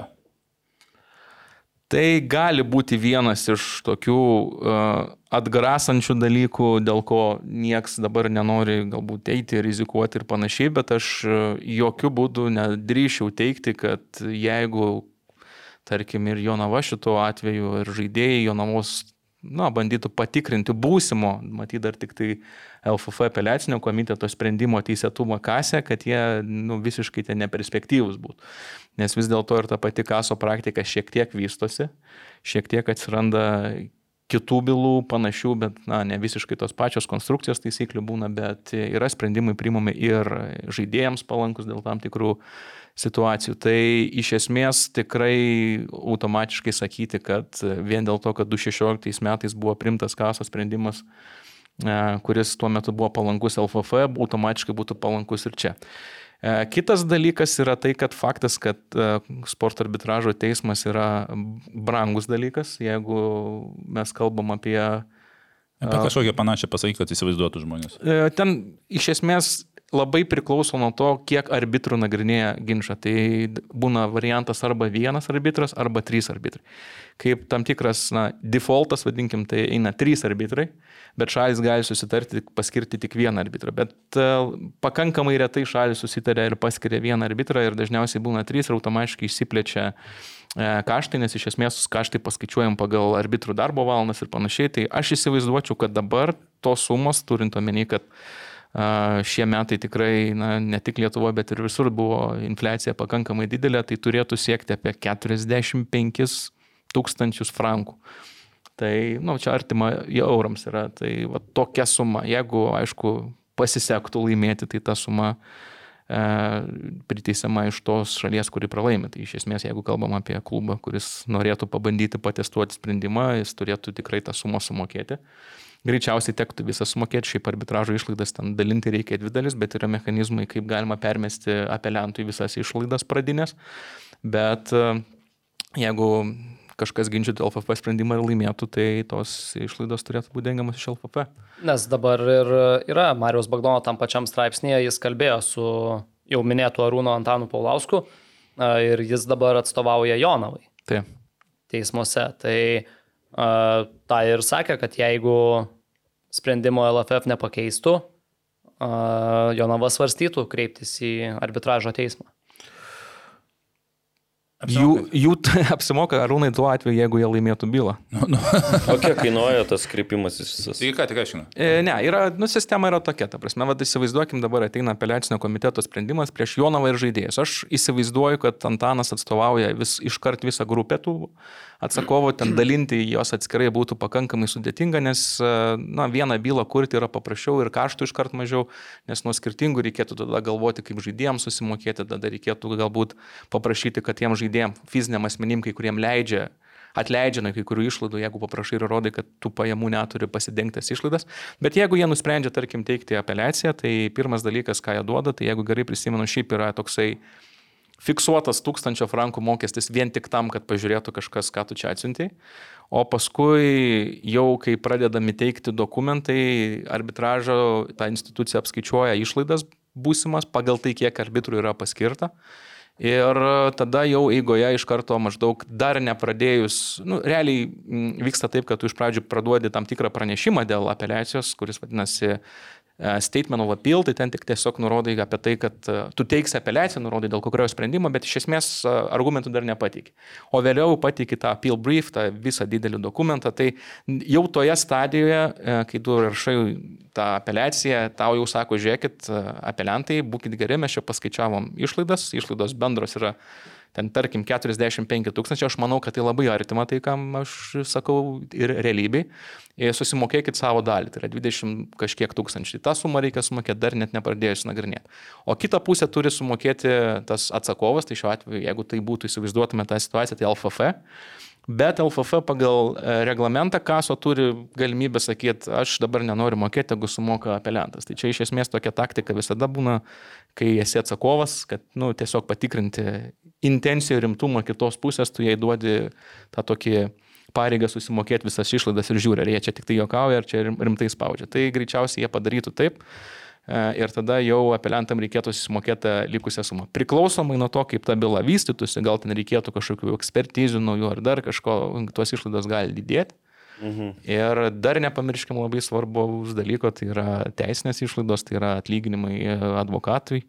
Tai šitos išlaidos tikrai būna pakankamai didelės arbitražo, nes darbo tikrai ten yra daug.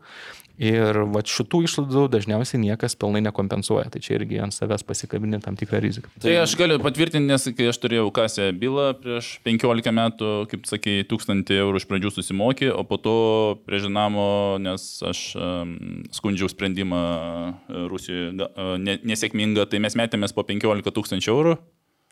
Nu, 15 tūkstančių frankų, tai ten buvo panašus kursas labai. Tai mes tai metėmės po dabar 15 tūkstančių eurų ir jeigu aš pralošiu, esu 30 tūkstančių minuse, jeigu laimėjau, jie gražino visas tas 30 tūkstančių ir priteisė man tą sumą. Tai realiai buvo aš, ką turėjau iš dalies, nu, sakykime, gauti, nors buvau pralošęs, tai aš dar galėjau su minus 30 tūkstančių eurų likti minuse ir dar, nu, ten teisininkai sakė, jeigu pralošim, neimsim, jeigu laimėsim, dalinsimės.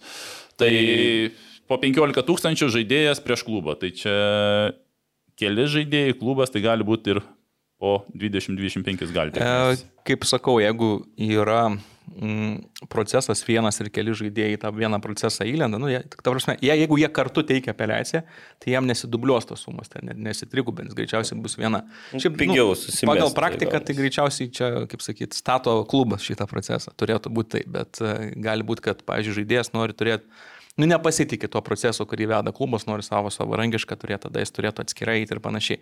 E, greičiausiai kažkurioje stadijoje tos procesus gal sujungtų, bet iš principo vis tiek reikėtų turėti pasiruošus tą sumą.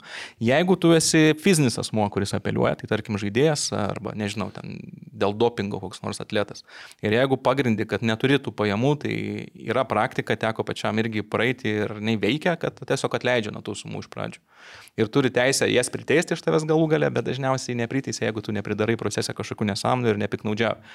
Tai legal aid vadinasi tas institutas pagal kaso taisyklės ir iš esmės nu, gali žaidėjas ir be tų didelių išlaidų praeiti, bet e, vėlgi tai yra papildomas darbas, papildomi kaštai, pavyzdžiui, parengiant dokumentus, jeigu tu yra užsienietis arba, na, lietuvis tai tuo labiau, nes reikia viską išversti į bent jau anglų kalbą, tai vis tiek užsikrauni tą naštą ant savęs. Tai iš esmės kasas yra geras dalykas, bet e, yra brangus ir tai be bejonės atgraso nuo daugumos galbūt apeliacijų. Nu, tai Nu, vienas bet, iš faktų. bet gali tie patys jaunavo žaidėjai pasinaudoti, kaip, tu, kaip sakai, legal aid? Taip, tikrai gali. Jo. Tai gerai, dabar kita tema, truputį einam link irgi tos Jonavos ir aš pacituosiu irgi tam pačiam straipsnį Antano Paulausko pasakytą mintį. A, Tokios apeliacijos teikimą, kurie teikia, stiprina viena, viena ta aplinkybė, kad LFF savo taisyklėse yra nustačiusi drakoniškas sankcijas vien už įtarimų, pareiškimą. Mūsų nuomonė tokios taisyklės aiškiai prieštarauja bendriesiams teisėms principams ir sudaro galimybę sugriauti karjerą sportininkų, kurie galbūt visai yra nieko dėti. Tai kadangi praeitais metais drausmės kodeksas visiškai pasikeitė, ką aš tik irgi pats nesenai sužinojau, a, neįtikėtinai didelio sankcijos vien už įtarimus. Martinai, ten tu gal pasižymės kažką turi? Kokios ten iki, iki turiu 10 metų be tai futbolo, teisingai, vienu jeigu- uždarimus. Nu, žiūrėkit, reikėtų gal pradžioj, nežinau, trumpai labai atskirti, kas tas yra už įtarimą ir už pagrindinį, pagrindinį pažydimą, ar ne? Mhm. Tai labai trumpai, gal neįsiplečiant, tai aš pasakysiu taip, kad iš esmės, ką yra įtvirtinęs LFF drausmės kodeksas, čia jie ne vieni tai yra padarę, yra kitų e, asociacijų ir federacijų, bet esmė yra tokia, kad e, visi supranta, kad e, tas match fixingas savaime, nu, tas jau tikrasis, tai yra jau kai žaidėjas pardavinėja rungtynės, yra nustatoma, kad jis parduoda, yra įrodymai surinkami, ten kokie tai pasiklausoma jų pokalbių ir panašiai. Nu, tai yra žiauriai baisus nusikaltimas, artimas iš esmės dopingo vartojimo ir gal net ir tam tikrų tam tikrų laipsnių ir baisesnis dalykas ir sankcijos už tai turi būti žiauriai griežtos. Tai jeigu mes žiūrėtume, tarkim, UEFA arba FIFA drausmės kodeksus, tai ten numatytos sankcijos iki gyvos galvos, tiesiog gali diskvalifikaciją gauti. Tiesiog taip. Ir tos sankcijos e, drakoniškumas ir nedrakoniškumas jau ir praėjęs yra ir e, sporto arbitražo teismo testą tam tikrą ir yra pasakyta, kad vis dėlto tai yra pateisinama poreikiu turėti švarų žaidimą ir sporto integralumą, nenuspėjamumą ir kitus jo teikiamus malonumus, sakykime, šitoje vietoje. Tai yra čia vienas toks pažeidimas ir už tą, tą pažeidimą taip pat LFF kodeksas drausmės numato. Ir už tą pažeidimo padarimą yra mm, pažeidusiam pareiga, čia gali būti iki 10 metų arba taip pat skiriamos bet kokios kitos drausmės kodekse nustatytos sankcijas, tai realiai ir LFF drausmės kodeksas numato, kad jeigu tu būsi sučiuptas su pinigų maišu ten ir bus įrodyta, kad tu iš tiesų pardavėjai arba ten sufiksinai, tai gali gauti ir iki gyvos galvos. Bet yra antroji dalis, e, ant, antrasis pažeidimas, tai tas vadinamas, e, kaip dabar čia mes vadinam įtarimas ar kažkas tokio. Tai iš esmės tas pažeidimas yra apibrėžiamas dviem sąlygom. Tai pirma sąlyga yra tokia, kad yra turi būti pakankamai duomenų, jog rungtynėmis galėjo būti manipuliuojama arba dedamos pastangos ir panašiai, kad Tai čia, pakeisti. tai čia kokie tie įrodymai? Iš tai, esmės, praktikoje tai yra tas uh, Sports Radaro gaunamas raportas, mhm. uh, BFDS, Betting Fraud Detecting System ar kažkaip taip vadinasi. Ir iš esmės tai yra lažybų pasiūlų analizė. Ir tas dokumentas, kurie ateina, dokumentų jų struktūra ir metodika, kuri, kaip jie yra rengiami, tai irgi yra jau kaso praktikoje praėję daug kartų ir iš esmės pripažįstama, kad tai yra nu, patikimas įrodymas patvirtinantis, kad rungtynės buvo suteptos. Bet mhm. tuose dokumentų, tame raporte nebūnant paprasčiausiai, nu aš nesu matęs ir nesu matęs, kad kaso kažkur praktikoje būtų badoma pirštais į konkrečius žaidėjus. Tai tiesiog išanalizuojama praktika ir pasakoma, kad žiūrėkit, matematiškai nėra įmanoma ir sportinė prasme nėra įmanoma, kad vat, galėjo būti tokie koeficientai, ar jie galėjo keisti, ar tokios pasiūlos ir panašiai. Jie ten padaro tam tikrą sportinę analizę, pavyzdžiui, gali pasakyti, kad va, šitas klubas buvo akivaizdžiai favoritas ar ne, ar underdogas ir panašiai. Tai e, tam tikra, sakykime, sportinė analizė yra daroma, bet iš esmės nesigilinama ir nežiūrima, kur ir kur iš ten žaidėjas ką pridirbo. Bet yra antra sąlyga, Tai yra rungtynių dalyviai, kurio elgesys rungtynių metu sudaro prielaidas daryti išvadą, jog toks rungtynių dalyvis galėjo padaryti šio straipsnio numatytą pažydimą. Kaip sudėtingai suformuoluoti. Taip. Ir, Žodžiu, kas padarė klaidą? paprašiau. Jo, ir dabar mes, jeigu eitume į dar tolimesnę LFF drausmės kodekso straipsnį, čia aš citavau 38 straipsnį, yra 62 straipsnis, jis reguliuoja rungtinių tyrimo ekspertų grupę. Tokia yra, tai yra subūriama grupė, kuri analizuoja rungtynės ir žiūri, kaip ten laikomasi drausmės ir kitų dalykų. Tai yra irgi tokia sąlyga, kur aiškiai sako, kad rungtinių tyrimo eksperto grupėse išvada, jog žaidėjo ar oficialaus asmens elgesys rungtinių metu sudaro prielaidas manyti, jog toks asmo galėjo pažeisti drausmės kodeksą 38 straipsnį, apie kurį aš kalbėjau, yra pagrindas taikyti, atitinkamai drausmės kodekso numatytas sankcijas. Tai iš esmės du elementai. Pirmas elementas yra, turi būti aišku, kad rungtynės yra e, suteptos, kaip sakau. Turi ateiti raportas. Turi ateiti raportas šitoje vietoje. Antras dalykas, e, reikia nu, surasti tas prielaidas daryti išvadą ir tam pakanka LFF rungtinių analizų tyrimų ekspertų grupės išvados. Ir Ir iš karto čia kyla klausimas, kas nors žinom, kas yra tokioj grupėje. A, tai yra, buvo, man atrodo, Grinius ir Kuhanauskas, jei neklystu, aš žinau, jo. jo. Okay. keičiasi tie. Keičiasi, jo, bet tuo metu, kai aš buvau Bilonė. būna? E, Tu pažiūri Bent du. Žmonės?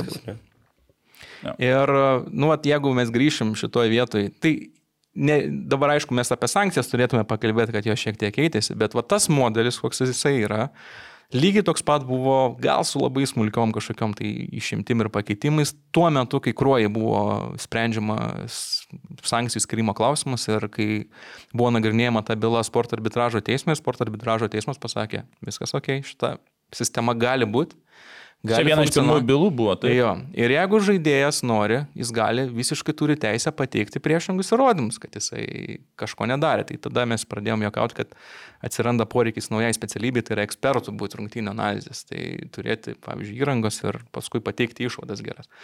Tai iš esmės maždaug laikoma, kad okei, okay, viskas tvarkoja, tos išvados iš LVF patenka, bet žaidėjas yra laisvas teikti savo išvadas.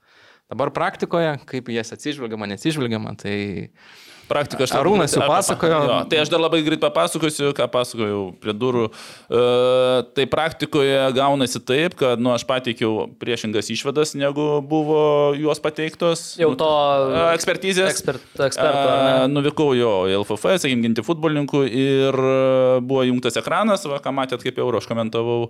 Tai aš su teisininkais ginčiaus, ar čia klaida ar ne man teisininkai aiškina, kad čia galbūt klaida, nes nu ekspertų jų nebebuvo jau.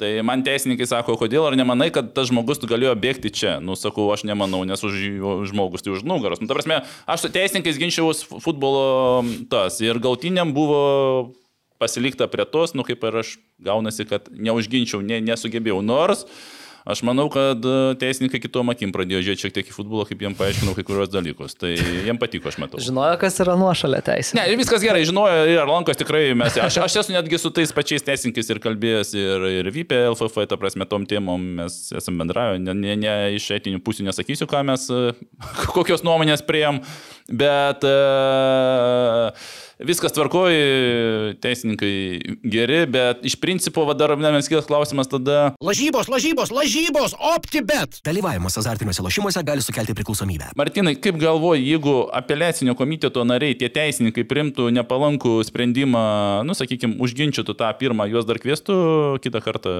į LFF, į apeliacinį komitetą?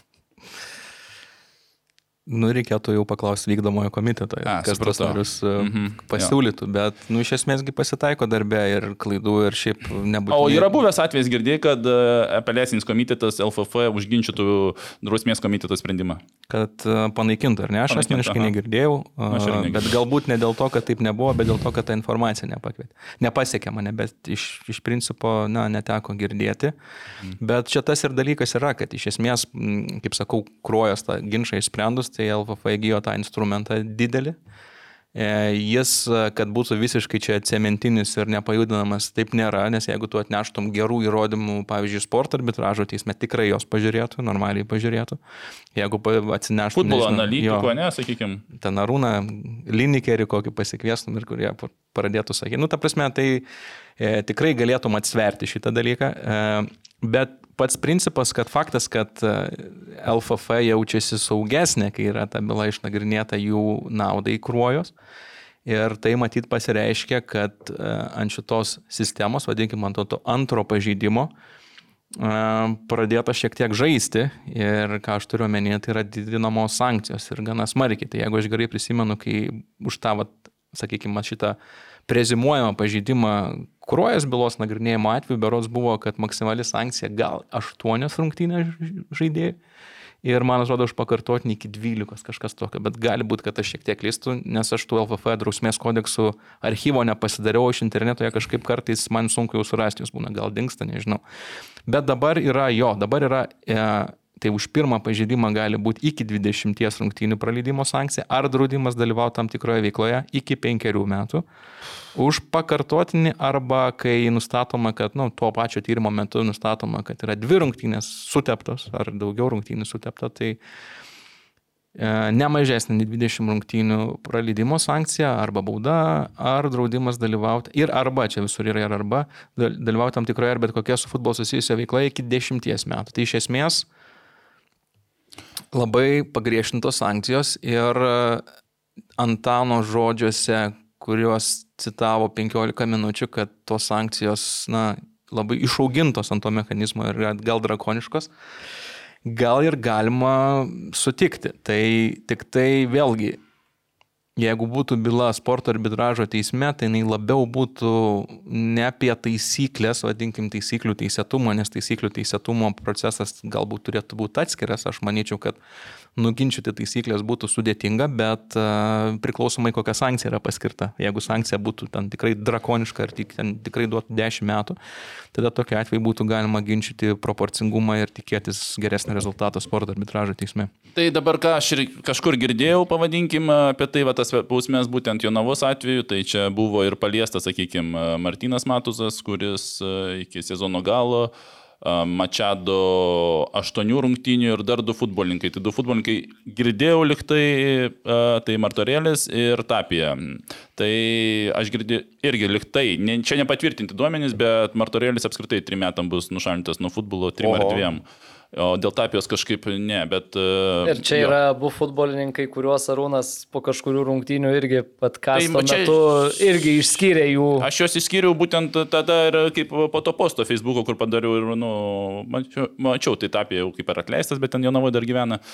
Gal kažką organizuoja, tai mm, uh, ką aš norėjau, gal man, man šioje vietoje labiausiai iš tikrųjų matosi gaila, nes nežinau, kažkaip irgi domėjausi, kaip ten, ar aplinka, ar ką, ir, nu, žmogus ir dirba, ir Jonavoje dirba, tai aš kažkaip tuo nelabai norėčiau tikėti, nu, kad, nu, šiaip, kad jis yra prisidėjęs, to labiau, kad ir ten buvo pradžioje viena, viena vartininką Jonava turėjo, ten apskritai nebuvo keitimų ir ten ir, ir, trau, ir su traumom. Ir dabar neseniai dar taip turėjo, irgi tik tais vieną. Ir dabar, ir dabar ir su traumom stovėdavo. Ir šiaip, nu, kiek kalbėdavom, operaciją reikia kiek daryti. Kalbėjom, kiek, kiek traukė Matuzas šį sezoną, kur ten galėjo būti Prisida ir prisidaręs įvarčių, bet, nu, kaip tokius gynėjus turi. Nu, taip, taip. Tai čia, nu, vartininkų 20 smūgių ten po, po vidurkis turbūt no. į, į vartų plotą per kiekvienas rungtynės, tai man va šitoje vietoje jo labu, galbūt labiausiai gaila. Ir tu seivų tikrai daug, tai... daug padarydavau, seivų labai.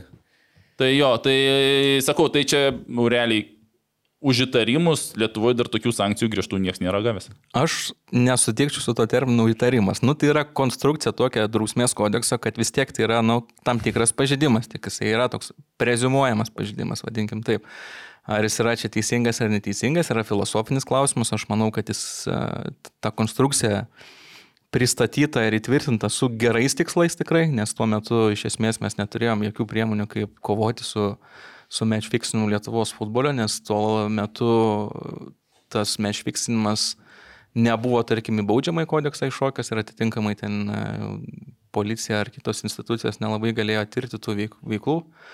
Tai tas instrumentas yra, jo galbūt e, gimimas yra gerais norais pagristas, bet aišku, reikia jį labai atsakingai naudoti. Ir ypač, kai kalbam apie tai, kad sėdi žmonės ir po rungtynių vertina uh, ar žaidėjo elgesys yra, na, įtartinas, neįtartinas, aš įsivaizduoju, kad gali būti labai akivaizdžių kažkokių aikštėje veiksmų ir įvykių, kurie iškart galėtų pasakyti, nuleisti, pasakyti, kad taip, čia matosi, kad kažkas netinkamai vykdoma, bet gali būti tokių labai ribinių, kur gali tiesiog žaidėjai būti bloga nuotaika, tarkim, gal jam atlyginimo nesumokėjo, jis nesusimotivavo, bet jis neturi to uh, galvoje apsisprendimo daryti kažką tokio vien dėl to, kad jisai gaus kažkokią ekonominį čia uh, pranašumą ar nori pasiekti kažkokį rezultatą. Tiesiog gali būti paprastas nuotaikos kritimas ir panašiai.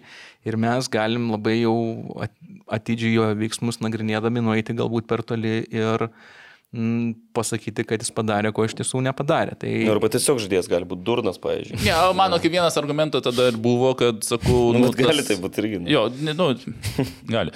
Tai kaip vienas argumentų mano ir buvo tada, kad, nu, sakau, žinant to gynėjo, sakau, lygį, sakau, nu, jisai aukščiau pirmos ten lygos ir apskritai nepakils. Tai jisai tiesiog jo toks lygis, ta prasme. Tai jeigu tu padarai iš, iš eilės darai šešias klaidas ir po septintos įmuša, nu, yra įtarimas, bet jeigu tas futbolininkas apskritai tik dvi klaidas padarė per rungtynės ir, nu. ir po vienos pasibaigė klaida, nu tai pasibaigė, bet tai čia per 90 minučių dvi klaidos, nu, nemanau, kad e, toje vietoje Jo tiesiog toks gynėjo lygis, sakau, jo. Nu, jeigu, aš eičiau, jeigu aš eičiau į ją lygą žaisti, tai irgi būtų galima įtart gal fiksinimui. Tai čia dar blogiau yra, pavyzdžiui, taip pat ir iš dalies ir aš žaidžiu ir ten būdavau ir ypač ten tos paskutinis sezonas nebuvo pats, sakykime, pats geriausias, bet jeigu tuo metu būtų kažkas, nu, kažkur pastatė pinigų ir atsiverstų rungtynių analizė ir ten mano būtų klaida, nu, kur buvo ten tikrai mm. paskutinį sezoną klaidų tokių ir, nu, būčiau, sėdėčiau paskutiniais metais jau nuteistas, nu, sakykime. Arūnas labai gerą palėtė aspektą, nes iš esmės, nu čia taip žmogaus mąstymas, matyt, vyksta. Tu gauni išvadą, kad rungtynės yra suteptos ir eini ieškoti, kas kau pridarė. Tu, ta prasme, turi surasti, kas kaltas. ir tau- Nes vis tiek kažkas tada yra. Kažkas gal, o kas kaltas, varininkas arba gynėjai? Tau iš karto akis tada krenta, kas gavo korteles, kas pasidarė ten 11 m baudinį ir panašiai. Ir aš įsivaizduoju, kad šituos pradinius iš karto įsitikinimus, kurie ateina aklai ir ne tai, kad aklai, bet pasąmoningai, tu tiesiog galvoji, nu, va, čia jau raudono kortelė, matyt, tas privirnės bus. Tai ir labai sunku tau apsižaisti, ta prasme, iš karto būni su įsitikinimu tokiu nu, bajas angliškai, ir ne iš karto turi... Nes, prasme, nes reikia surasti tą Taip. kaltą. Ir jeigu, sura... ir jeigu tau tai padeda surasti šitą kalbą asmenį greičiau, tai tu greičiau atsikratai problemos ir greičiau priemi sprendimą, yra. koks yra. Tai va dėl to aš ir sakau, kad, okei, okay, taisyklės yra, bet uh, jų realizavimas ir tai, kaip uh, ta tyrimų komisija dirba, tai turėtų jie patys labai savo aukštus standartus taikyti. Ir tiek ir sprendimų prieimimo ir mąstymo ir visokių alternatyvų atmetimo, taip pat ir alternatyvų nuomonių išklausimo. Nes taip, nu, tikrai yra rizika, kad gali žaidėją tiesiog pasodinti už tai, kad jisai nu, tiesiog turėjo blogą dieną elementar, elementariai. Nu. Tai aš dar biškai noriu grįžti, kai tu prieš tai sakei, kad, e, kad, kad, kad, kad įtarimas automatiškai yra pažeidimas. Ne, ne, įtarimas, e, aš, man nepatinka Nes ta man frazė, kad tai yra užtarimas. Tai tiesiog yra, man patiko, kaip kruojas byloje sporto arbitražo teismas išvartė. Sakė, žiūrėkit, LFF drausmės kodeksas turi dvi taisyklės, dvi, e, dvi veikas atskiras. Mhm. Du pažeidimus. Vienas yra match fixingas, tas propria, jau visiškai, kaip klasiškai supranta match fixingą, tai yra, nežinau, pinigų paėmimas už įvarčio prasileidimą ir visi žino, kad tai padaryta, nustatyta viską. O kitas yra, va tas va būtent, kai yra nustatoma, kad rungtynės paliestos, supurvintos ir šalia nustatoma, kad žaidėjo ilgesys buvo įtartinas, tuose rungtynėse jis vadinamas prezimuojama pažeidimu. Nu, tam tikra fikcija yra sukūrima. Bet kad tai yra vieni tarimas, aš sakyčiau, gal ne visiškai tikslu yra. Tai prasme, aš kaip, pavyzdžiui, Antano vietoje tai faktas, kad galėtų naudoti kaip, nu, terminologiją tokia įtarimas, kad primesti šiek tiek savo poziciją ginčą sprendžiančiam žmogui apie tai, kad jo, jo, čia už įtarimą kažkaip yra e, nubusta. Bet iš esmės, nu, yra ta konstrukcija, kaip prieinama prie to sprendimo, kad e, pritaikyti sankcijas. Ir tai nėra visiškai už įtarimą, bet vis tiek yra daug paliekama erdvės ir daug e, neišaiškintų dalykų, vadinkim tai. Nu, Tai man vis tiek atrodo, čia yra tiesiog įtarimas, tik įvardyjamas kaip, va, kaip šitas pre, pre, prezumcinis pažeidimas. Taip, nu, čia ane? toks savokų žaidimas, bet Jo, e, jo, jo. pas mus kartais tas savokų žaidimas labai svarbus ir aš, aš su tuo įtarimu būčiau atsa- atsargesnis. Aš tiesiog mhm. sakyčiau, na, e, sudaro prielaidas daryti išvadą. Sakinys yra toksai. Jo, jo. Nu, čia, čia įdomus dalykai. tokie.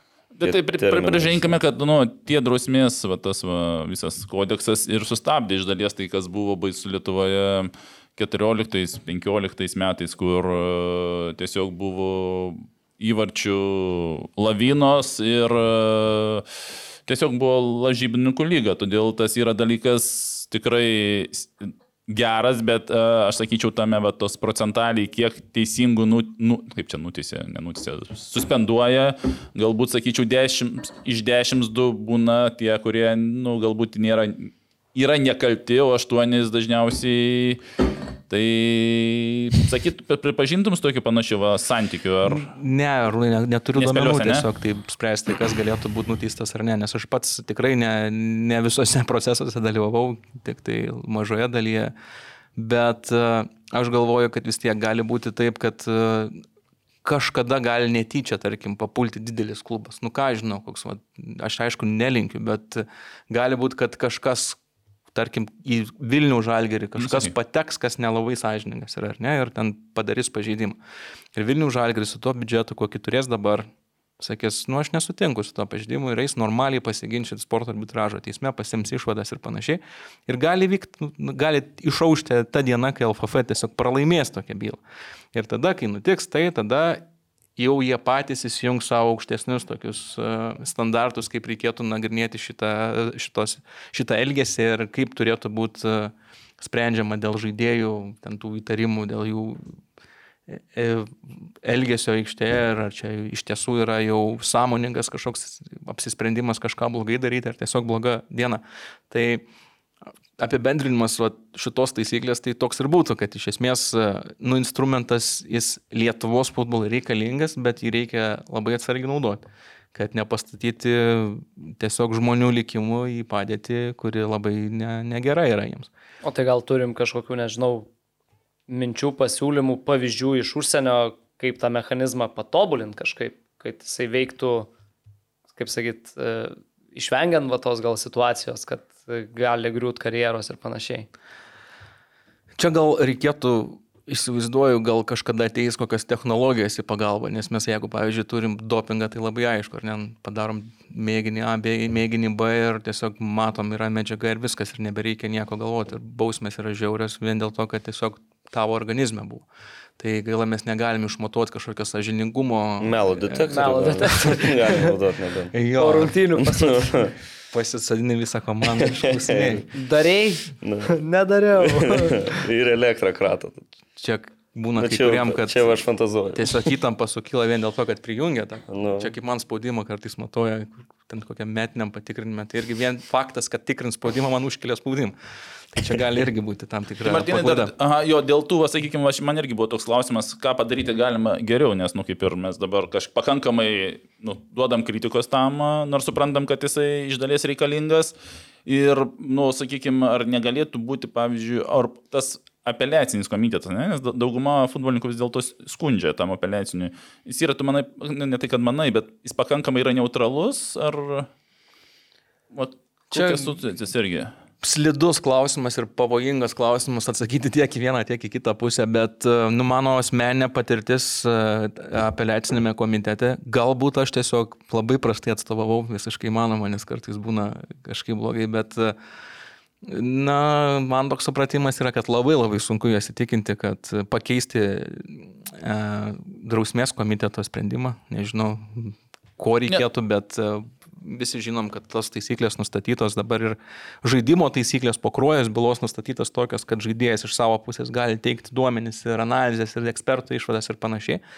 Bet e, klausimas, kiek e, yra linkstama iš, realiai išsinagrinėti ir įsiklausyti į tas išvadas. Tai jeigu žiūrėtume ir ieškotume kažkokių tai receptų, tai aš tiesiog receptą sakyčiau, kad visų pirma daugiau skaidrumo, atvirumo ir e, aukštesnių standartų savo darbe. Ir kad stengtis maksimaliai, turint tokį galingą ginklą, nebe, nepabijokim to pasakyti Lietuvos futbole, kai tikrai yra ekonominė situacija klubų ne pati geriausia. Arba, na, gera vidaus rinkai, bet e, jeigu nori geros bylos, tai gali būti nepakankama. Tai reikėtų tiesiog to ginklu išmokti atsargiau naudotis ir daugiau savikritikos savo, kad net ir klubai ar žaidėjai, kurie vis dėlto gauna sankcijas, na, nebūtų taip aršiai iškart nusiteikę, kad čia kažkas e, buvo blogai. Aišku, jie visada bus aršiai nusiteikę dėl sprendimų neigiamų savo. O daugiau aš manau, kad su, su galbūt su laiku technologijos galėtų labiau uh, pagelbėti. Su teisinė konstrukcija aš kol kas būčiau atsargus, kaip reikėtų keisti ir panašiai. Na, tas sa- sankcijų dydis tai faktas, kad bus visada kritikoje. E, Vien pats sankcijų dydžio numatymas e, ten konkrečiame straipsnėje dar savaime na, ne iki galo viską apsprendžia, vis tiek svarbu, kokią sankciją duoda jau pats drausmės komitetas, po to ją peržiūri apeliacinis komitetas, yra ten sankcijų skirimo principai, ką reikia atsižvelgti ir panašiai. Tai svarbu, kad e, na, ir sankcijas skiriant būtų pasveriama proporcinga ar neatitinka pažydimo lygį, atitinka pažydimo tą įrodomumo lygį ir panašiai. O dar vienas, sakykime, iš tokių tarpinių variantas Vilniaus sporto arbitražas, jeigu būtų, na, aišku, LFF to nežinau, ar jį patvirtins, ar, bet e, kaip variantas jis toksai irgi būtų turbūt e, geras, sakykime, netoks brangus ir pasitikrinti tą teisybę tikrai neutralioje vietoje. Čia tokia diskusija, ma- mačiau, kad vyko, mhm. vyksta diskusija ir klausimas, ar LFF privalo bet kuriuo atveju duoti nuorodą į sporto arbitražo teismą. E, tam tikrų atvejų reikia pripažinti sporto arbitražo teismo kompetenciją ir jo galimybę spręsti tam tikrus Čia ginčius. Vilnius. Aš kalbu apie Šveicar- pas šveicarišką. Šveicarija, aha. Nes tiesiog nustatyta FIFA taisyklėse, mhm. įstatuose. Bet yra galimybė paliekama tam tikrus klausimus spręsti ir nacionaliniu lygiu. Tai šitoje vietoje, pavyzdžiui, UEFA tiesiogiai nustato, kad UEFA statutai, nes Lietuvos futbolo federacija ne tik FIFA statutus turi atitikti, bet ir UEFA statutus. Tai ten yra nustatoma, kad gali ir nepriklausomam arbitražui daryti, pateikti e, mm, ir tuos klausimus, kurie na, susijęs su nacionaliniais klausimais ir panašiai.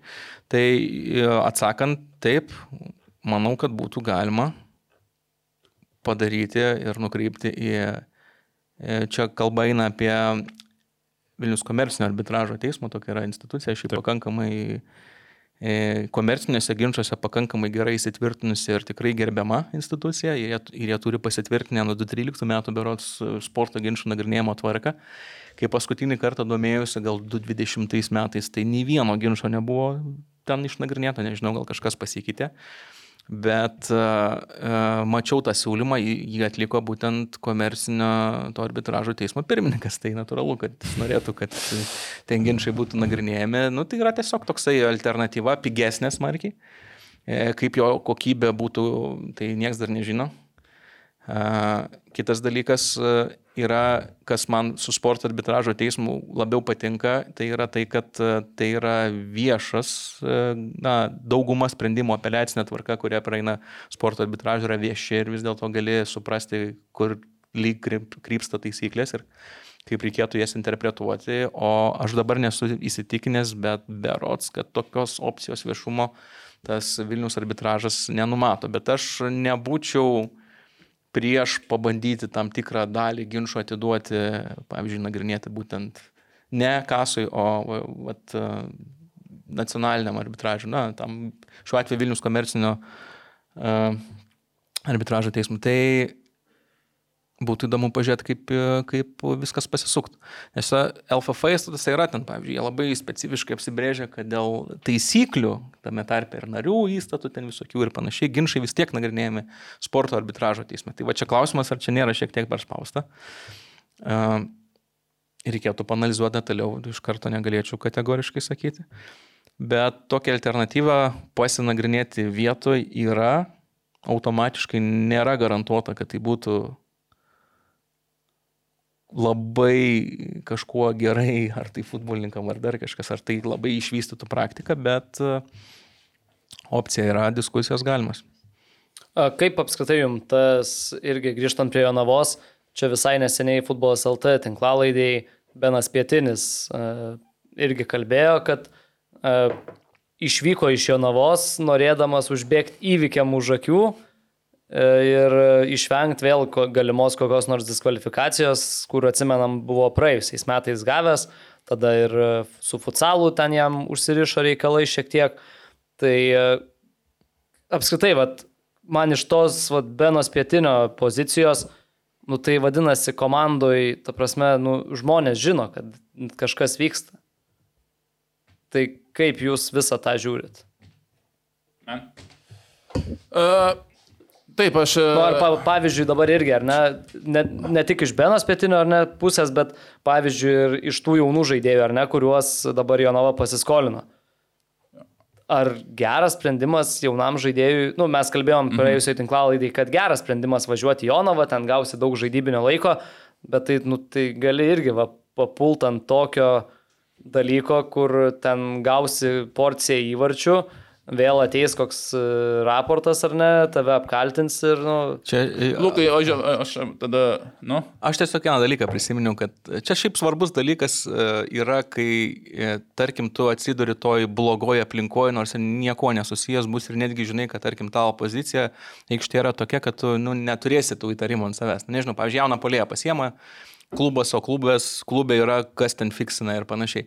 Tai yra toje pačioje LFF, čia jau transferų reglamente tokia taisyklė, kad LFF gali atsisakyti registruoti kontra, kontraktą žaidėjo, kuris dalyvavo sutartose rungtynėse, bet tas dalyvavimas vėlgi ten realiai žiūrimas per tai, ar tos rungtynės buvo suteptos, bet niekas nenustatinėjo, žaidėjas dalyvavo.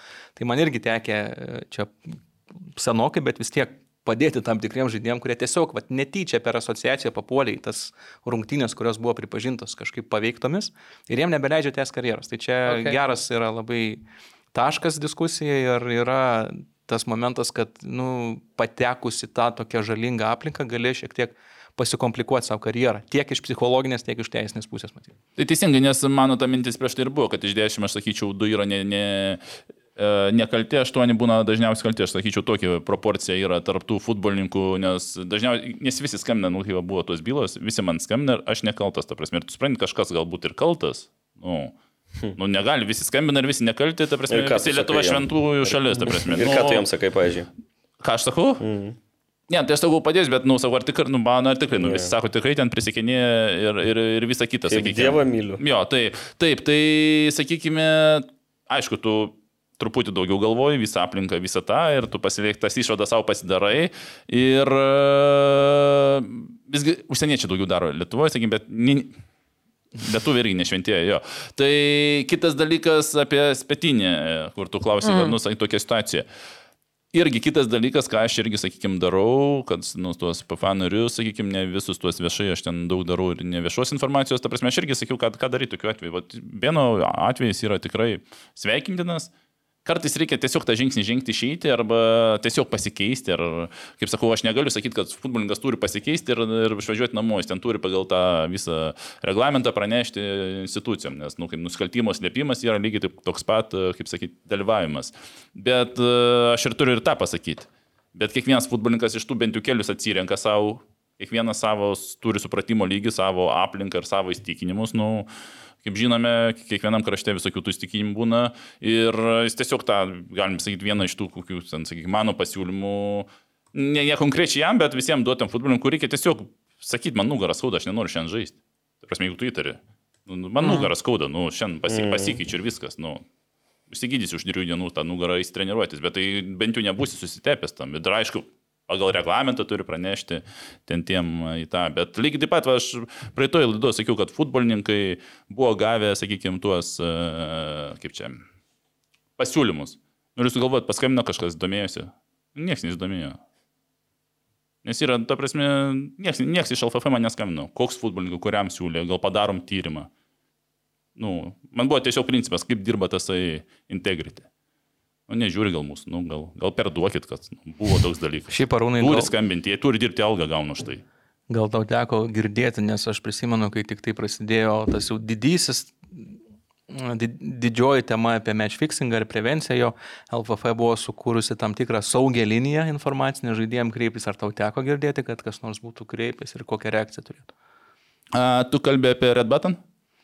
Dabar nežinau, kaip tai vadinosi, bet iš esmės buvo, man atrodo, mailas speci specialus. A, čia sukurtas. buvo iš pradžių emailas, aš, nu, kadangi aš nedirbu LFF, negaunu už tai atlygio ir nežinau, tenais turi gauti, bet uh, kitas dalykas yra dabar sukurtas uh, Red Button, mhm. tai yra appsas, aš norėjau jį atvežti Lietuvą, bet kol mes dar nesam, kaip čia, oficialūs nariai FIF Pro, kol kas uh, sakė, kad truputį dar palaukit, tai aš jau kalbėjau ir su LFF tuo, kad aš sakau, pabandysiu atvežti tą, tą bet kol kas ten truputį reikia dar palaukti. O tai kas bus. Red Button? Red Buttonas yra appsas, programėlė, kur įta, įtarimų esant, tu, ten yra mygtukas toksai, nu, pavyzdžiui, telefonė sėdi, tiesiog paspaudai, ten anonimiškumas ir kad tos rungtynės jau kažkas įtarimas ten gauna. O kas gavėjas ne, ne, a, gavėjas, aš nežinau, man atrodo, tada tai Lietuvoje, tai Lietuvoje būtų kažkoks Lietu, Lietuvos, nes, nu, emailą rašyti ten kažkur. Ir kas anksčiau gali, tie- o kas gali paspausti tą mygtuką? Visi futbolininkas įsiunčia, Ai, čia yra asociacijos, ne? pravažiuoja per komandas, Okay. išaiškina, čia yra futbolo asociacijų. Nes galvoju, gal Kas vyksta dabar galim- Europoje, vyksta tas, e, aš matau, tos asociacijos daro, nuvažiuoja komanda, kiekvienam mhm. futbolininkas įsiunčia, ar jis įsitrina po to, ar įsitrina čia futbolininko, niekas netikrins, bet, ta prasme, paaiškina, kaip tai veikia, futbolininkas turi programėlę, nu, įtarė tenais arba prieš varžybas ar po, ten paspaudė. Ir, nu, gal du futbolininkai paspaus ir, ir iš karto įtarimas, mm -hmm. tu nori būti likti Okay. anonimiškumas. Tokia yra, čia neišspręsia globaliai tos problemos, bet yra kažkokie nu, dalykai daromi Europoje. jo. veiksmingesnis būdas negu, Negu emailą rašyti, emailai. Nu, dabar rašysi emailą, tai turi susikurti dar anoniminį Anoniminį. kokį paštą. Nu. Jo, bet čia emailai buvo senesnis turbūt ta, ta istorija, tai aš abejoju, ar ten kas nors rašė. Ir e, Jo, bet čia kitas dalykas. Reikia turėti tą saugumą, kad žinotum, kad nu, tu pateiki informaciją, kuri yra labai svarbi ir galbūt kažkiek pavojinga tavo sveikatai ir net gyvybei, nes nežinai, Nu, kas ten įsivėlė.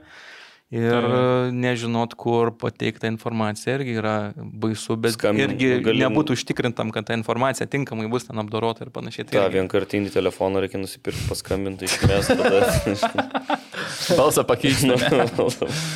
Jo, tai va, tai aš manau, kad visai Dar prie viso to, Nu. e, jau kai išėjo tas apie Jonavos tas e, jau sankcijas, e, kitas federacijos pranešimas buvo, kad Vilniuje buvo vykdomas Erasmus plus programos projektas Sportas prieš manipuliavimą rungtynėmis. Vilniuje vyko diskusija. Tai va, viskas mm. taip vienoje vietoje. šitą žinau, kad jie jo, Gražiai jie sukritę. Įdomiai. Manau, kad čia geresnė diskusija vyko šiandien. Antrinių- Tai va, tokie reikalai. Kaip Lukai to pačiam su lažybom? Nedalyvaujam. Tai va, tai va.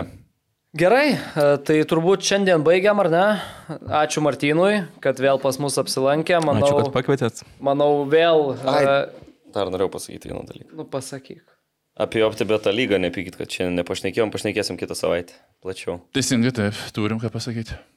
Taip. Nu šiandien ir taip daug temų. Karšta. Važiuojam. Dar paslūka nėra, kondiškės. O šiandien, Neveikia. o šiandien naujas turas prasideda. Tai va, būtent dėl to, kad ir... ir Bet geras nusprendėm. turas laukia, Kauno derbis. O darysit po žalgerio at- atsakomųjų. Jo. Taip. Prie to ryšamės. Po burtų. Gal bus ten labai linksmų naujienų. Nu, Gal vėl, gal vėl neturėsim kada pakalbėti. Žalgis Europą lygą ir su Roma grupė. Svajonė. Įsidarbinčiau žalgirį iš karto, kad tik nuvežtų mane į užkulisis to stadioną. ok, tai dar kartelį, Martinai, ačiū. Manau, kad ir, ir mum patiem, ir klausytojam tie visi reikalai su lažybininkų baudimais. Bet reiks perklausyti dar vieną kartą. teismais ir visų kitų, dar kitom, sakykime, spalvom ir akim dabar yra matomi. Išmušė saugiklius. Kaip, kaip tas uh, suteikia prielaidą daryti išvadas? Kaip? Aš jau pats negaliu pakartoti. Per karštą šiek tiek. Jo, tai žodžiu, suteikiam jum prielaidą visiems pasidaryti savo išvadas. Perklausius mūsų podcastą, klausykit, komentuokit, dalinkitės ir uh, užduokit klausimus, jeigu kažkas neaišku. Benediktas Petkus, Arūnas Klimavičius, Martinas Kalvelis ir aš Lukas Gintautas. Atsisveikinam iki kitos savaitės. Ačiū klausantiem ir iki. Ačiū visų diev.